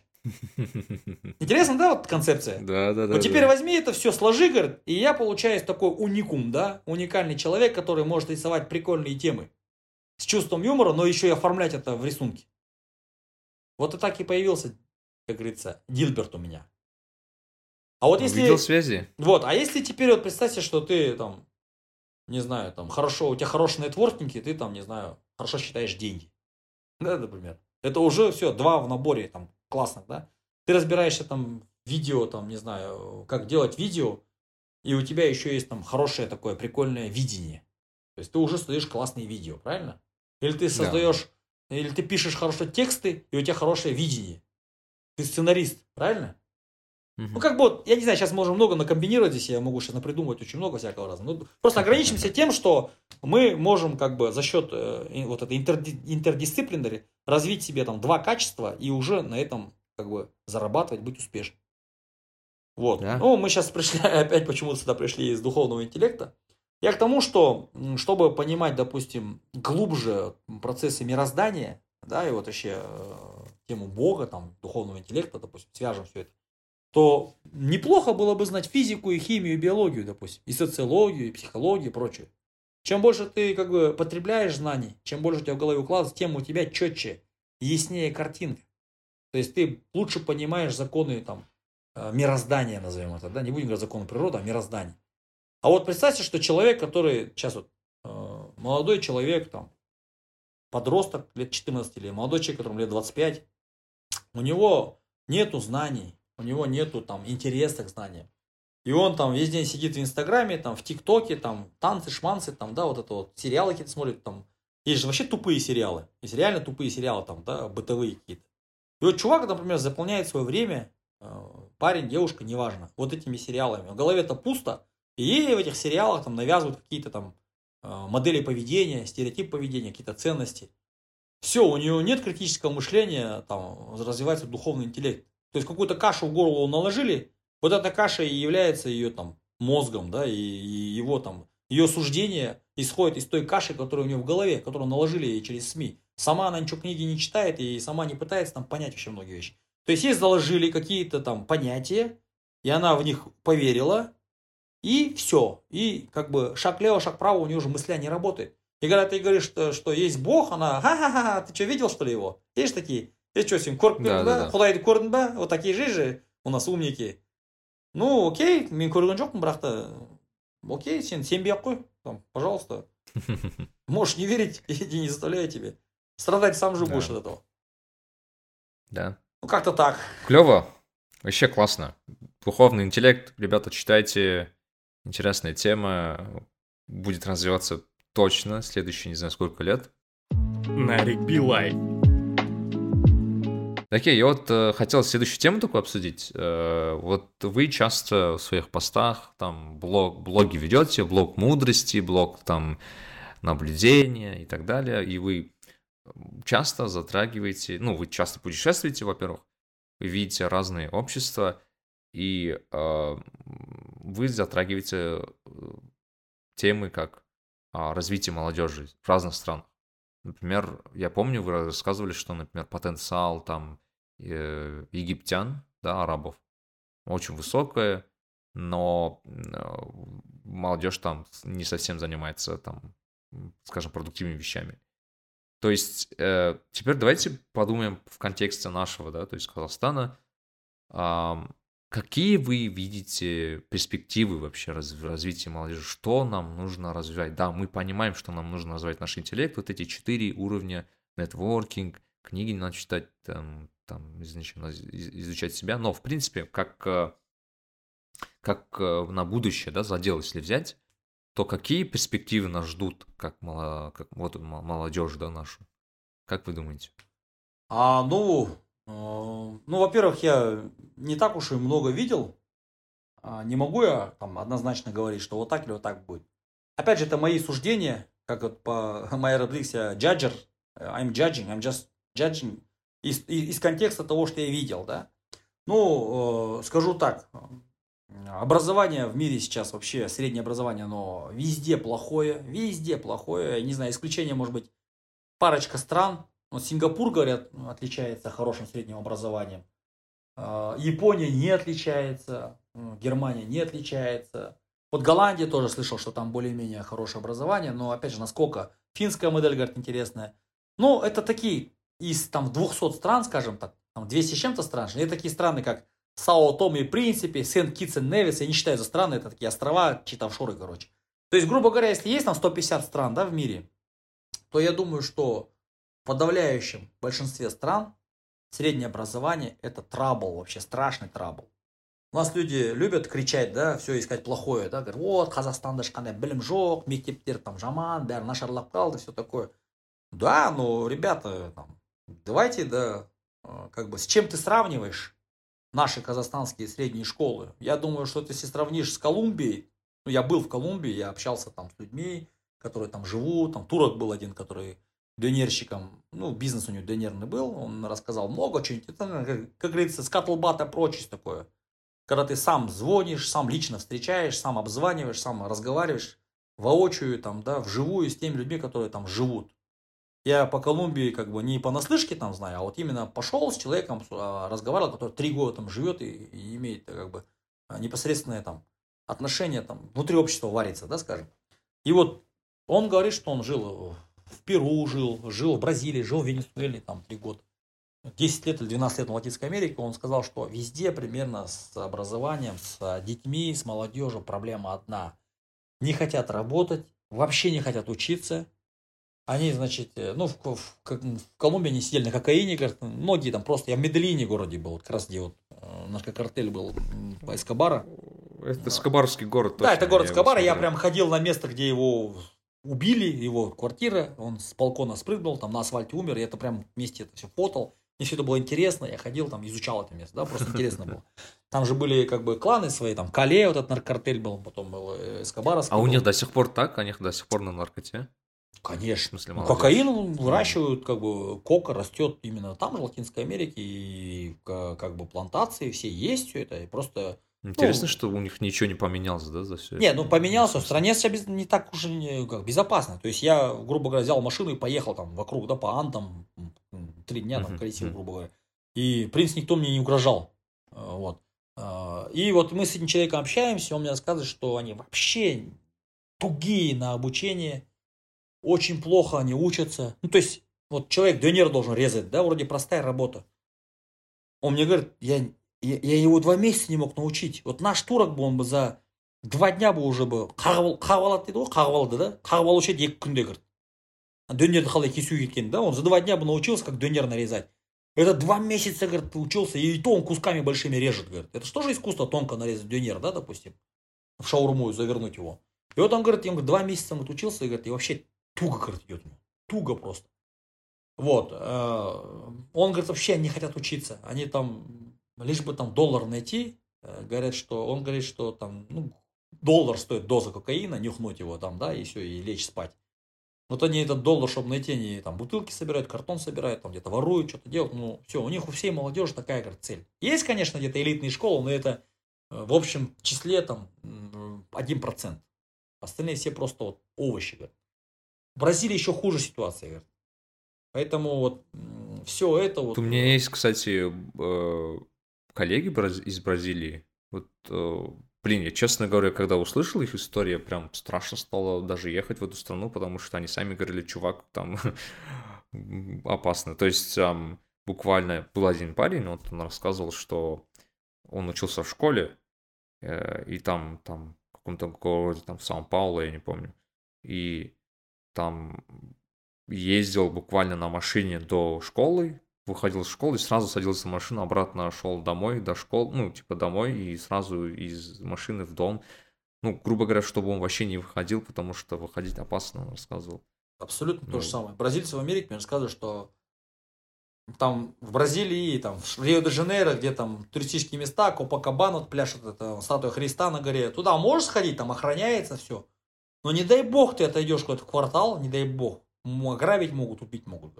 Я думаю, да нафиг, нифига себе, как так? Мы же тоже люди из 90-х, мы же супергерои же там. В себя верим же сильно. Типа, драться будем, если что. Какой там драться? Тебе по башке дадут, говорит, тебе арматурой, все, настанешься там. То же самое, а, абсолютно практически все страны Латинской Америки такие говорят. То есть шаг лево, шаг право, лучше. В Мексике, в Мехико, когда прилетели мы, есть центральная площадь там, за Галопом называется. Все, она вот э, везде стоят э, полиция по 20 человек, там они обмундированы все. Они говорят, Лучше он туда не выходите за пределы площади. Ну, то есть там отцеп, отцепленный участок есть, где турист тусуется, а заход, туда не выходя грабят. Говорит. То есть это тоже показатель, да, ну то есть если тебя ограбить могут, вообще беспредел же, да, ну, как бы я считаю, что там э, плохо все. И у этих стран очень такое опасное будущее, скажем, с такой молодежью. Ну, вот Латинская Америка, ладно, это уберем в сторону, да, сейчас. А, Европа, наша любимая Европа, которая как бы считается продвинутой, на которую мы все молимся, да, и думаем, что они супермены. Во-первых, молодое население сокращается страшными темпами. Сейчас там молодежи там, в разы меньше, чем средний возраст, там, не знаю, насколько я помню, там, Швеция 60 лет, Германия там 56 лет средний возраст. Ну, это во время короны особенно еще, кстати, было видно, то, что ну, во время короны, к сожалению, именно же больш... Э, старшее поколение ну, погибало. Конечно. Ну вот, например, да, чисто Узбекистан возьмем. Возьмем Узбекистан. 33 года, по-моему, средний возраст, если не 30 лет средний возраст. В Казахстане тоже у нас небольшой 35, что ли, средний возраст. Где 35, а где 56. То есть это говорит о том, что молодежи нету. А кто, кто нас привел, кто их привел в такое состояние? Это либеральные ценности. То есть разрушение института семьи. Я даже когда в Америке вот, э, как бы учился, там было вот, испанец, французы были, там и вот испанцу 33 года, он из Бильбао, я говорю, слушай, а почему ты, говорю, не женатый? Вот 33 года тебе же, говорит, а зачем, говорит? We have, говорит, 80% divorce rate. 82, 80 или 82 процент сказал у нас а, процент разводов, говорит. То есть из пяти семей разводится четыре, типа? Да, он говорит, если ты, зачем мне жениться, если я разведусь? Вот у него логика такая. Французы ту же самую цифру, фразу повторили. А зачем разводиться у нас ну, типа, можно же отношения и без брака иметь, как бы, да, и как бы менять партнеров. Окей, проблем нету. Зачем? То есть, э, это же не за один день сформировалось. У них были институты семьи, у испанцев особенно. Больше, чем у французов были. Но... Разве что итальянцы не такие, да, наверное? У них все-таки То же самое. Более... То же самое. Нет? Все, я говорю, это, это их конец, я считаю. Я, конечно, слишком громко говорю. Э, ну, опять же, мы же сейчас, ну, субъективное мнение выражаем, да? Там, это ваш подкаст. Да, кто-то может, кто-то может не согласиться, кто-то может с пеной у рта спорить. Халас, окей, как бы, ну, оставьте свое мнение при себе. Я то, что видел, то, что наблюдал, то, что читал, все это квинтэссенция всего вот этого увиденного и анализ все это мне дают такую информацию мне. Внутри подсказывают.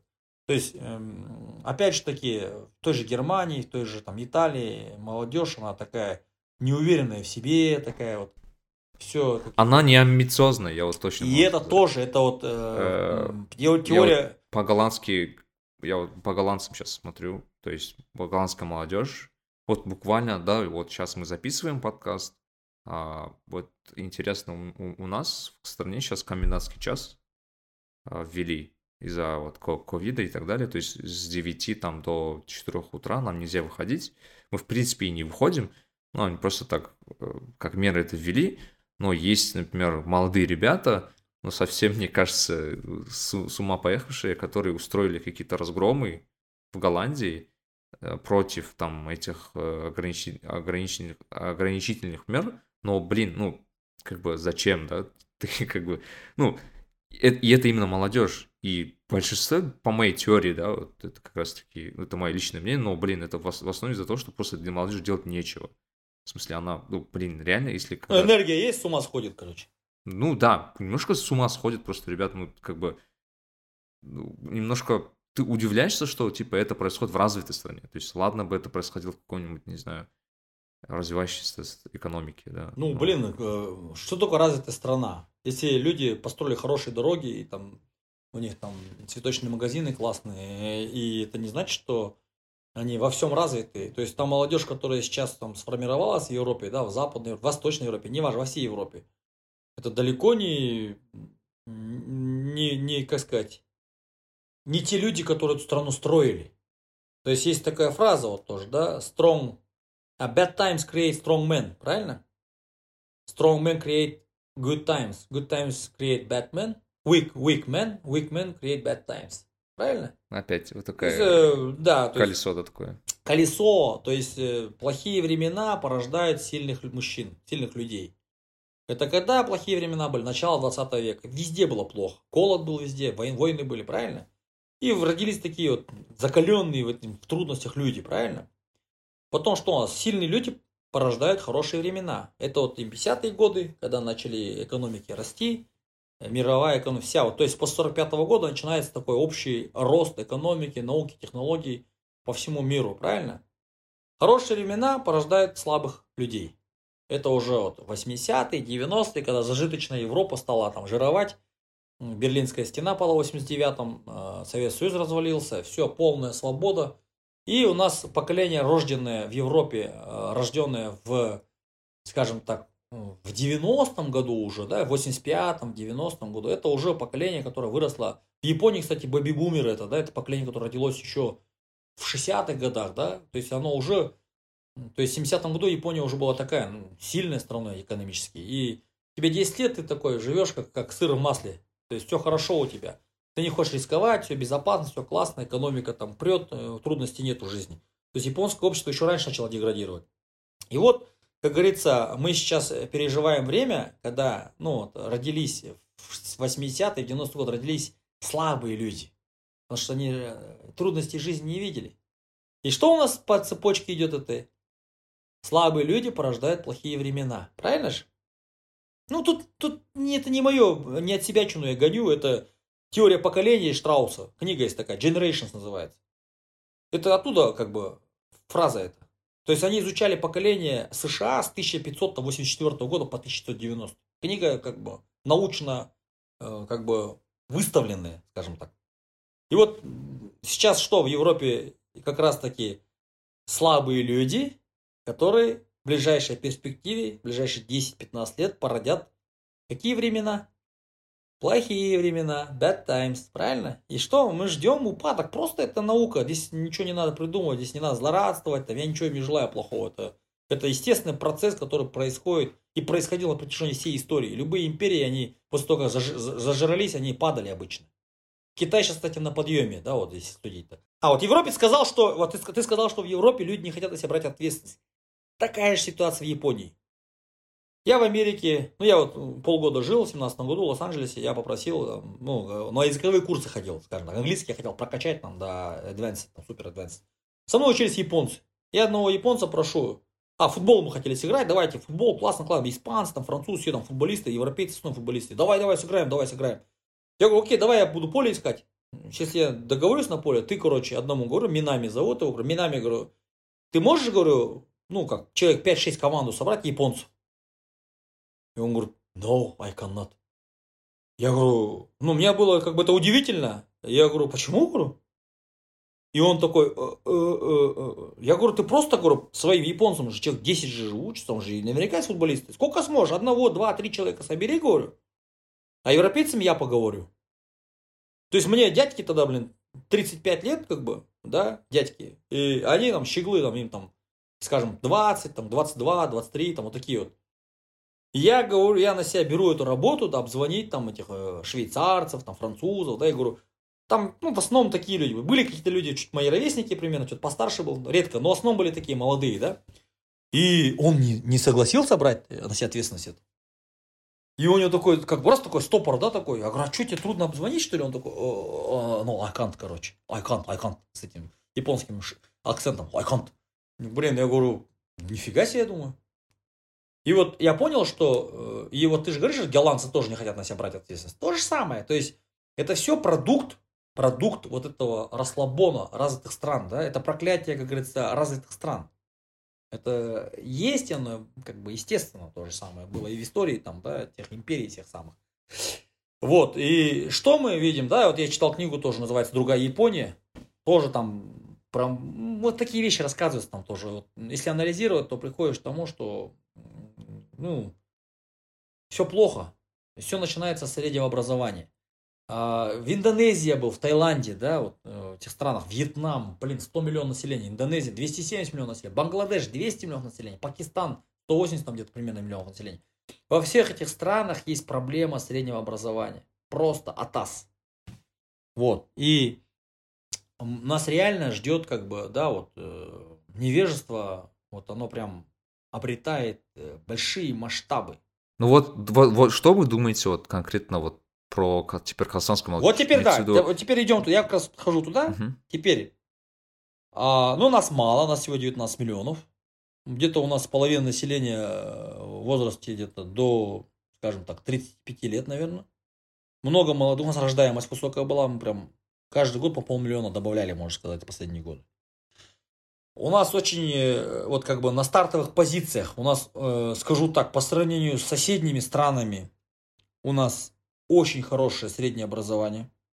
Это можно даже к бабке не ходить. Просто у нас очень хорошая программа Болошах была. Опять же, такие вот все хаят там правительство, президента, все дела там. Я, например, не хочу этого делать, потому что искренне считаю, что у нас э, гораздо лучше жизнь, чем там в том же соседнем Узбекистане, там, Кыргызстане, Туркменистане, Таджикистане, да, э, там, Армении, там еще где-то, да. Намного лучше, и это не как бы нельзя исключать, что это из-за того, что у нас такие правители, да. Что бы там ни говорили, э, давайте брать хорошее. То, что программа Булашак у нас есть такая, которая нигде в СНГ нету, нигде. Там тысячи ребят поехали отучились, да, там не все учились, кто-то кайфовал, там кто-то там бухал, кто-то там накуривался. Тем не менее, половина как минимум отучились, хорошо отучились, закончили, что-то получили знания, увидели страны, опыт получили. Приехали в страну, да, не все нашли себя. Окей, опять же, 25% не нашли себя, полно выкинь их, все. Из оставшихся 25% то отучился и приехал, начал работать там, пускай половина только там, да, вот продвинулась реально куда-то, да, это уже показатель. То есть, если мы даже имеем тысячу человек таких, а их ну, не тысяча, нам несколько тысяч, то это уже говорит о том, что у нас есть какая-то прослойка интеллигентных людей, которые имеют как бы хорошее западное образование. Ну или там японское, китайское образование. А, то есть Смотри, у нас есть потенциал, правильно? Интеллектуальный потенциал молодых людей, которым там, ну, слегка за 30 и Берграй, да, до 20 лет. Есть? Есть. Ни Узбекистан, ни Киргизия, ни, ни Россия даже не может похвастаться этим. Потом, что у нас? Свобода предпринимательства есть у нас? Есть. Да, там, что бы ни говорили, что там будет бизнес расти, и отожмут его. Я вас умоляю, да, если в Узбекистане там, э, скажем так, до Каримовской, ну, в Каримовское время, ты там чуть-чуть более-менее выгодно бизнес строил, с доходом, там, не знаю, 5, там, 7 тысяч долларов, то у тебя спокойно могли прийти его отжать. Спокойно могли прийти отжать у тебя там. Э, вот есть книга такая хорошая очень, называется «Почему одни страны богаты, другие бедные». Там очень четко описывается, как это работает, почему одни страны реально бедные. Да? Вот.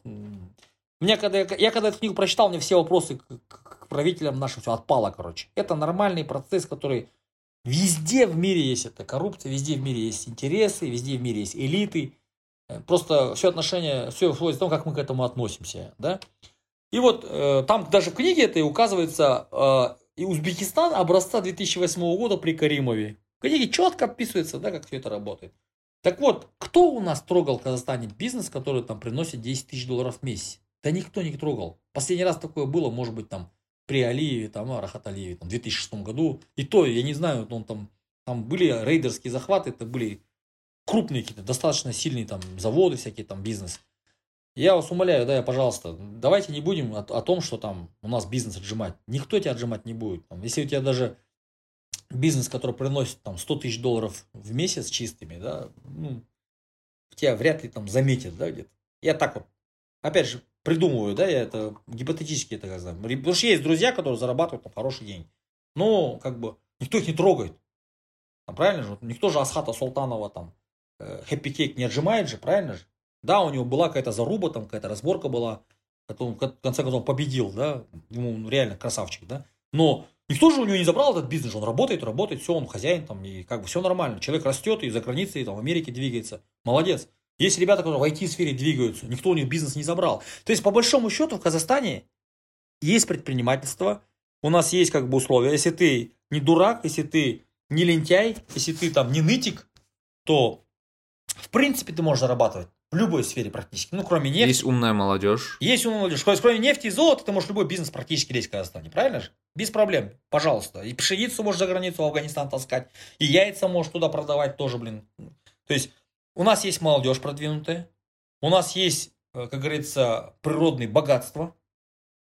Есть же, есть. У нас есть заинтересованность иностранных инвесторов вкладывать в нашу страну скажу так, у нас страна не совсем плохая. Там, когда инвестиционный климат не лучше, но тем не менее там работать можно с Казахстаном. То есть у нас еще есть, э, вот опять же таки, доступ к технологиям, есть интернет у нас, цензуры нет практически, пожалуйста, компьютер любые, какие хочешь, продаются, процессоры, принтеры, дроны, ради бога, все что а угодно. чего у нас нет, получается? Вот, сейчас секунду идем, да, еще у нас есть, угу. у нас есть духовная, как бы, пока еще не совсем разрушенная там, да, духовная составляющая это наша вера, которая не запрещается. Например, в том же Узбекистане там очень много чего запрещено. Всякие течения, все там, там строго настрого. Во времена Карима вообще там, не дай бог, сходишь в мечеть лишний раз, тебя там могут просто принять ребята и там допрашивать тебя три дня там, а что ты там делал, а почему ходил, а почему у тебя борода там на 2 сантиметра длиннее, там, чем положено. И все, и прочее. Там вообще люди зашуганные были. Вот когда пришел к классе Мерзеев, там просто вздохнули, там банкоматы появились, доллар стал меняться по реальному курсу, да. Ну, то есть про Туркменистан я вообще молчу, там вообще атас. Это, это мне жалко, честно говоря, туркменов. Э, ну, классный народ такой. А, ну, правитель у них, конечно, там вообще не айс. Киргизия постоянно какие-то революции. Это вообще страшно, да, вот, ну, тоже жалко. Ну, в общем, ладно, давайте о нас, да. Теперь а, у нас есть традиционные очень хорошие ценности, наша культура, да, вот э, старшего уважать, э, младших там жалеть, учить, там, да, есть такое. У нас есть исламские ценности, которые, в принципе, нам у нас разрешены. Если ты хочешь обучаться, пожалуйста, мечети, медресе, все есть, да, и книги любые там можешь купить. То есть у нас все есть. Но я думаю, что э, что портит нас, да, что может испортить нашу молодежь, это то, что испортило Европу, то, что испортило Японию и Южную Корею. Понимаете, да, это культура, которая вот пришла оттуда. Все вот эти вот непонятные течения, скажем так, да, либеральные, там, толерантность ко всему, да, вот это вот и э, будет нас тормозить. То есть мы будем получать из-за этого аморфных, аморфных людей, которые не умеют думать и как бы считают это продвинутостью. Да, не буду называть, э, что именно, но я думаю, умный человек поймет, о чем я говорю. То есть все, что вот нам в мозги культивируют нашей молодежи, через ТикТок, через там Инстаграм, через Фейсбук, через социальные сети, через сериалы нетфликсовские, через там журналы, там всякие Форбсы, Плейбои всякие. То, что нам культивируют, если э, наша молодежь это будет хавать, то, естественно, мы будем иметь овощей, которые завтра не будут отличать правиль, правильное от неправильного, хорошее от плохого. И вот если как бы наша молодежь вот, сможет от этого избавиться и начнет там как бы работать над э, прокачиванием вот этих четырех вещей, которые мы говорили, PQ, SQ, EQ, IQ, то завтра мы можем выбиться в лидеры не только Средней Азии там, и СНГ, но и замахнуться, скажем так, на развитие там, мирового формата, да, мирового уровня, как Сингапур. Сингапур, малюсенькое государство, смогло там, за 25 лет построить там, азиатского тигра, благодаря Ли Куан Ю. Ну, не скажу, что Ли Куан Ю, когда он пришел к власти, у него там были супермены там были. У него гораздо положение было хуже. Во-первых, маленькое государство, зависящее или от электроэнергии, от, по воде и по электроэнергии, зависели полностью от соседей.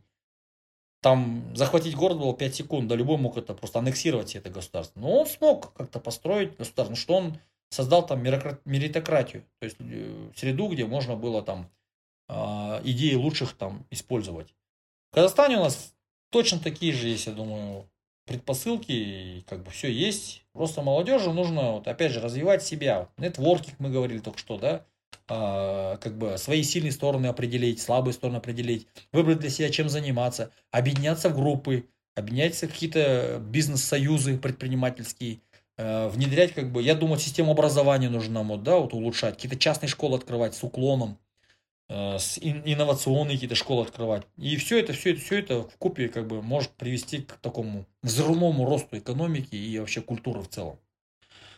Вот, поэтому думаю, что именно Казахстан в мире на карту посмотреть, если одно из таких топ-5 даже стран, я считаю, с таким потенциалом, который завтра может выбиться в течение ближайших 10-20 лет, биться в лидеры. Ну, по ВВП, по ВВП, по уровню достатка, по уровню сознания. Мне кажется, вот как раз-таки даже вот этот подкаст, который мы записываем, как раз-таки это для той молодежи, которая э, имеет этот потенциал, я считаю, потому что, э, ну, я тоже путешествия вижу, как э, ну, наши ребята везде рвут и, ну, типа, просто метят. Ну, в смысле, очень высокий потенциал. Э, и как раз-таки, знаете, вот нас иногда любят жаловаться на то, что вот, блин, везде жаман, оно много. Ну, то есть, в плане, да, есть проблемы, да, есть то, над чем можно, нужно работать. Но, с другой стороны, я почему рад этому? Например, я 94 -го года парень, Э, я видел там, ну, там 90-е я не так сильно помню, да, потому что я был совсем маленький. Но 2000-е и выше я помню очень четко. И помню те, ну, многие там проблемы, которые у нас были и так далее. И очень, ну, радует то, что сейчас развивается это все. То есть, имею в виду, то, через что мы прошли с, с, с независимостью, это очень много, на самом деле, я считаю.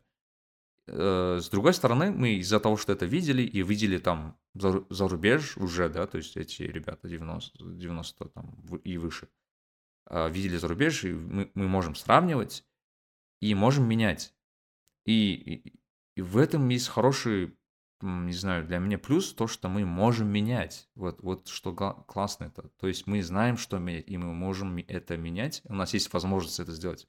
Просто, например, в развитых странах ну, уже развитых странах, уже с хорошей экономикой, то менять ничего и не надо. То есть я не могу ничего поменять, не знаю, в какой-нибудь Германии, что там менять. То есть вот в этом-то и заключается, наверное, а, секрет, почему молодежь не амбициозна. То есть потому что я вижу, казахи очень амбициозны, как раз таки из-за того, что у них есть амбиции поменять это в стране своей. Что они недополучили некоторые вещи или хотят, чтобы это получилось в стране теперь. И это сильно радует. То есть, потому что ну, это задел на ближайшие 20, 30, 40 лет. Ну, это классно. То есть, это значит, что ну, у страны есть давай я вот, и она будет э, развиваться. Вот здесь сразу свои как бы умозаключения ставлю. Во-первых, то, те, которые жалуются, что там у нас плохо, где-то хорошо, эти люди не знают, что там тоже нехорошо. Вот у меня тоже есть там близкий друг, э, он у меня юрист такой, хороший, сильный юрист. Он говорил, вот, жизнь дерьмо у нас стала, Казахстан не зарабатывается. Пойду в Америке, буду посудомойщиком буду работать, больше заработаю. Братан, ты, Ты не знаешь, о чем ты говоришь просто. Иди поработай посудомойщиком в Америке. Иди в Калифорнии поработай, 12 долларов в час будут тебе платить. Налом там, да, если не налом, то половину на налоги отдашь, если нет, то ладно, бери налом. Ну, 12 умножить на там, 10 часов, 120 долларов, да, в день. Умножает на, на 30 дней, там, ты будешь 3 600. А квартиру, которую ты снимешь, сколько будет стоить? Она будет стоить минимум полторы тысячи в Калифорнии, да? Хочешь поехать в штат подешевле, Канзас, там будет 9 долларов в час, но аренда будет меньше. Потом твоя телефонная связь будет сколько стоить, твоя еда будет сколько стоить. У тебя ничего не останется. То есть ты эти 3600 заработаешь, как посудомойщик. Ты эти 3600, если ты еще ребенка садика дашь, еще 1200 долларов в месяц. То есть у тебя, грубо говоря, ничего не останется. О чем ты говоришь? Какие доходы, такие затраты. Вот. А в Америке еще такая тема, как нужно страховку покупать, весь этот стресс. Не дай бог ты останешься там, да, без работы. Все, ты попал там. Вот, еще, как бы, это вот те люди, которые жалуются, сразу скажу, это те люди, которые не знают, что такое за границей.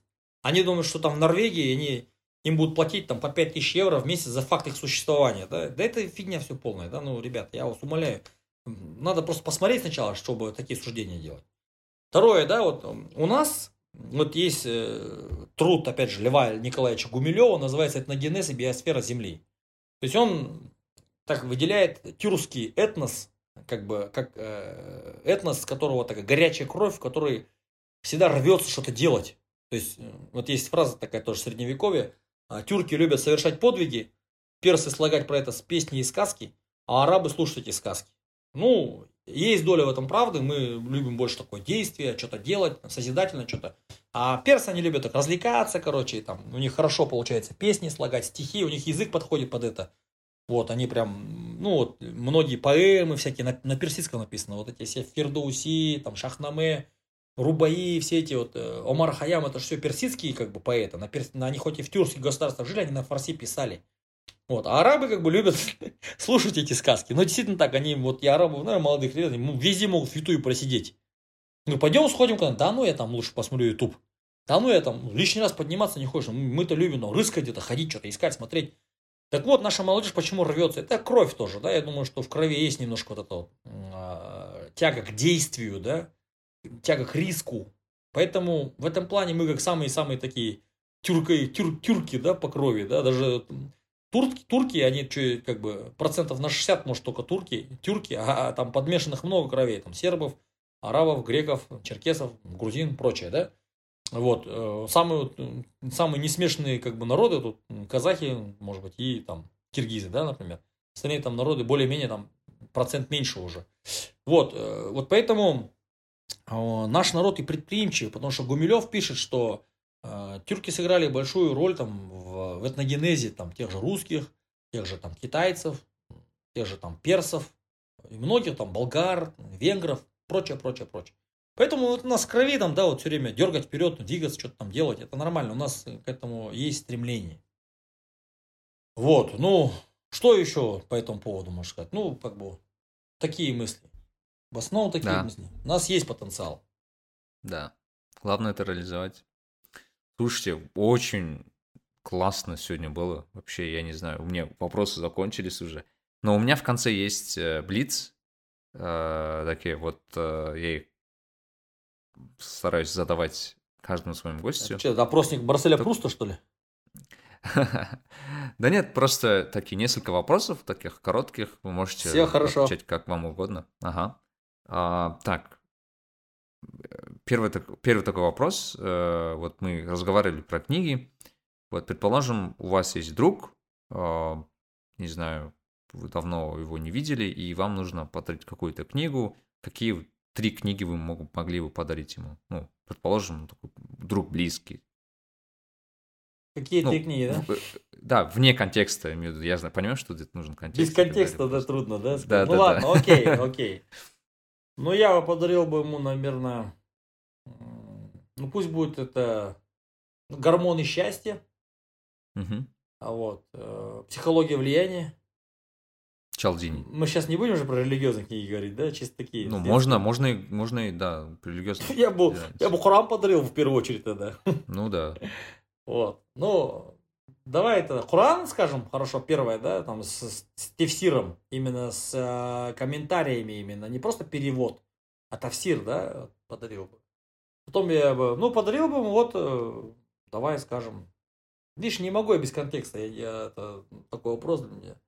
Это от друга зависит, чем он занимается, что он любит, насколько он интеллектуально подкован, да, чтобы понимать. Ну вот, э, давай назовем, ладно, тогда, хорошо, гормоны счастья пусть будет такая универсальная книга. Ну, пусть будет там психология влияния, я уже сказал. Три книги. Да, давайте, классно, пойдет. А, так, второй вопрос. А, а, за последний год-два, за последнее время вообще, какая была ваша такая хорош, хорошая, такая маленькая инвестиция? Инвестиция в плане, там, не знаю, что-нибудь материальное, там, книжка, Kindle, я не знаю, там, какой-нибудь девайс. То, что помогло вам так э, по жизни, но такое, типа, небольшое, но очень сильно а, улучшило ваш, там, не знаю, лайфстайл ваш.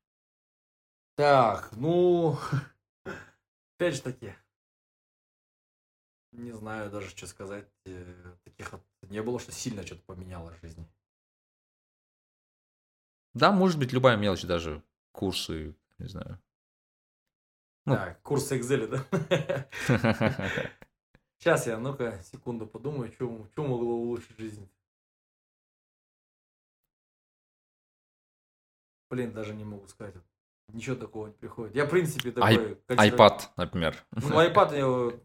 Ну, хотя да, но я в прошлом году его купил, а за последний год, окей, да, купил iPad. Что, хорошо, с клавиатурой, которую вот, может таскать, как маленький компьютер. В принципе, да, удобно. Можно просто просматривать там многие вещи через iPad. Да, кстати, хорошее, да, приобретение iPad. Я до этого не пользовался планшетами. И мне понравилось, в принципе. Ну, окей, iPad. Э, третий такой немножко э, интересный вопрос в плане, вот предположим, вот там в городе, там, скажем, в Алмате, в Астане, а, есть самый большой плакат, плакат, ну, билборд, такой ну, теоретически, да, предположим. То есть есть огромный билборд, который видно со всех сторон, там на Альфараби, наверное, да, где-нибудь который очень большой, и он, и он ваш, скажем. Угу. И вы можете поставить туда, ну, все что угодно. Там любую фразу, картинку, там, не знаю, рекламу, все что угодно. Вот какой месседж бы вы туда поставили, либо что вы повесили бы на этот плакат? Да, какой месседж? Ну, он навсегда останется или можно менять его? Можно менять.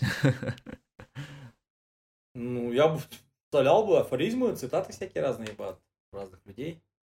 Ага. Ну, например, там, предположим, какую цитату вставили? А, например, какую цитату я ставил бы? Ну, я бы вот... Ну, ва- ваши любимые. Есть, есть, есть мудрости Лукмана Хикима. Лукман такой угу. человек, который в исламском богословии как бы такое большое наследие оставил, да, в виде наседаний, наставлений своему сыну. Да там много их можно спокойно там вставлять там одно за другим просто, каждую неделю меняй. Ну, слова какой, назидания ну, например, Лухмана, да, да? Например, какое, да, слово? Вот. Старайся проводить время среди мудрецов, да, сыну он говорит. Пусть твои колени соприкасаются с их коленями. Ну, то есть ты должен близко сидеть и внимательно их слушать. Первое назидание. Другое назидание, например, да, вот ищи для себя, используй для себя разум других. Как? Советую в делах, в которых ты не разбираешься. Потом, например, э, такой вот совет есть, да, вот я, сынок, говорит, я в жизни э, пробовал все, да, я даже ел колоквинт, растение какое-то самое кислое, там, горькое, да, но горше него, говорит, долги. Долг, говорит, э, вызывает, говорит, позор днем, говорит, и беспокойство по ночам. Ну, например, очень хорошая фраза, да? Вот, э, что еще, да, например, ну, будь там честен со своим господином, да, если ты на кого-то работаешь, будь честен. Потому что это э, как бы ну, тебя возвысит. Потом, говорит, две вещи, которые тебе тоже непременно вырастят, помогут тебе вырасти, это правдивость слов и молчание в делах, которые тебя не касаются. Вот таких много очень э, у него фраз, и я думаю, что эти афоризмы все там мудрость в чистом виде, потому что как бы, мудрость дана Всевышним. Как ну так вот. Клево, классно, классно. А, дорогие, көп рахмет. Вообще, я считаю, мы сидим уже какой час? Четвертый час. Уже пятый час мы сидим.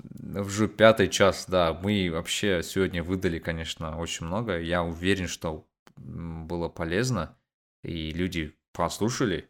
А, вот Всем слушателям большое спасибо. Э, отдельное спасибо Дакеге. Подписывайтесь обязательно на Инстаграм Тандай Акомачи. Амокачи, то есть, блин, Амокачи. Подписывайтесь на наш Телеграм, на наш Инстаграм. Отмечайте нас в соцсетях. Мы обязательно вас, вам ответим, если вы нам пишете. Мы открыты вашим фидбэком и так далее. Большое спасибо. Всем пока. Все, Рахмет. Аривидерчи. нарик билай кәсіби және рухани даму жайлы подкаст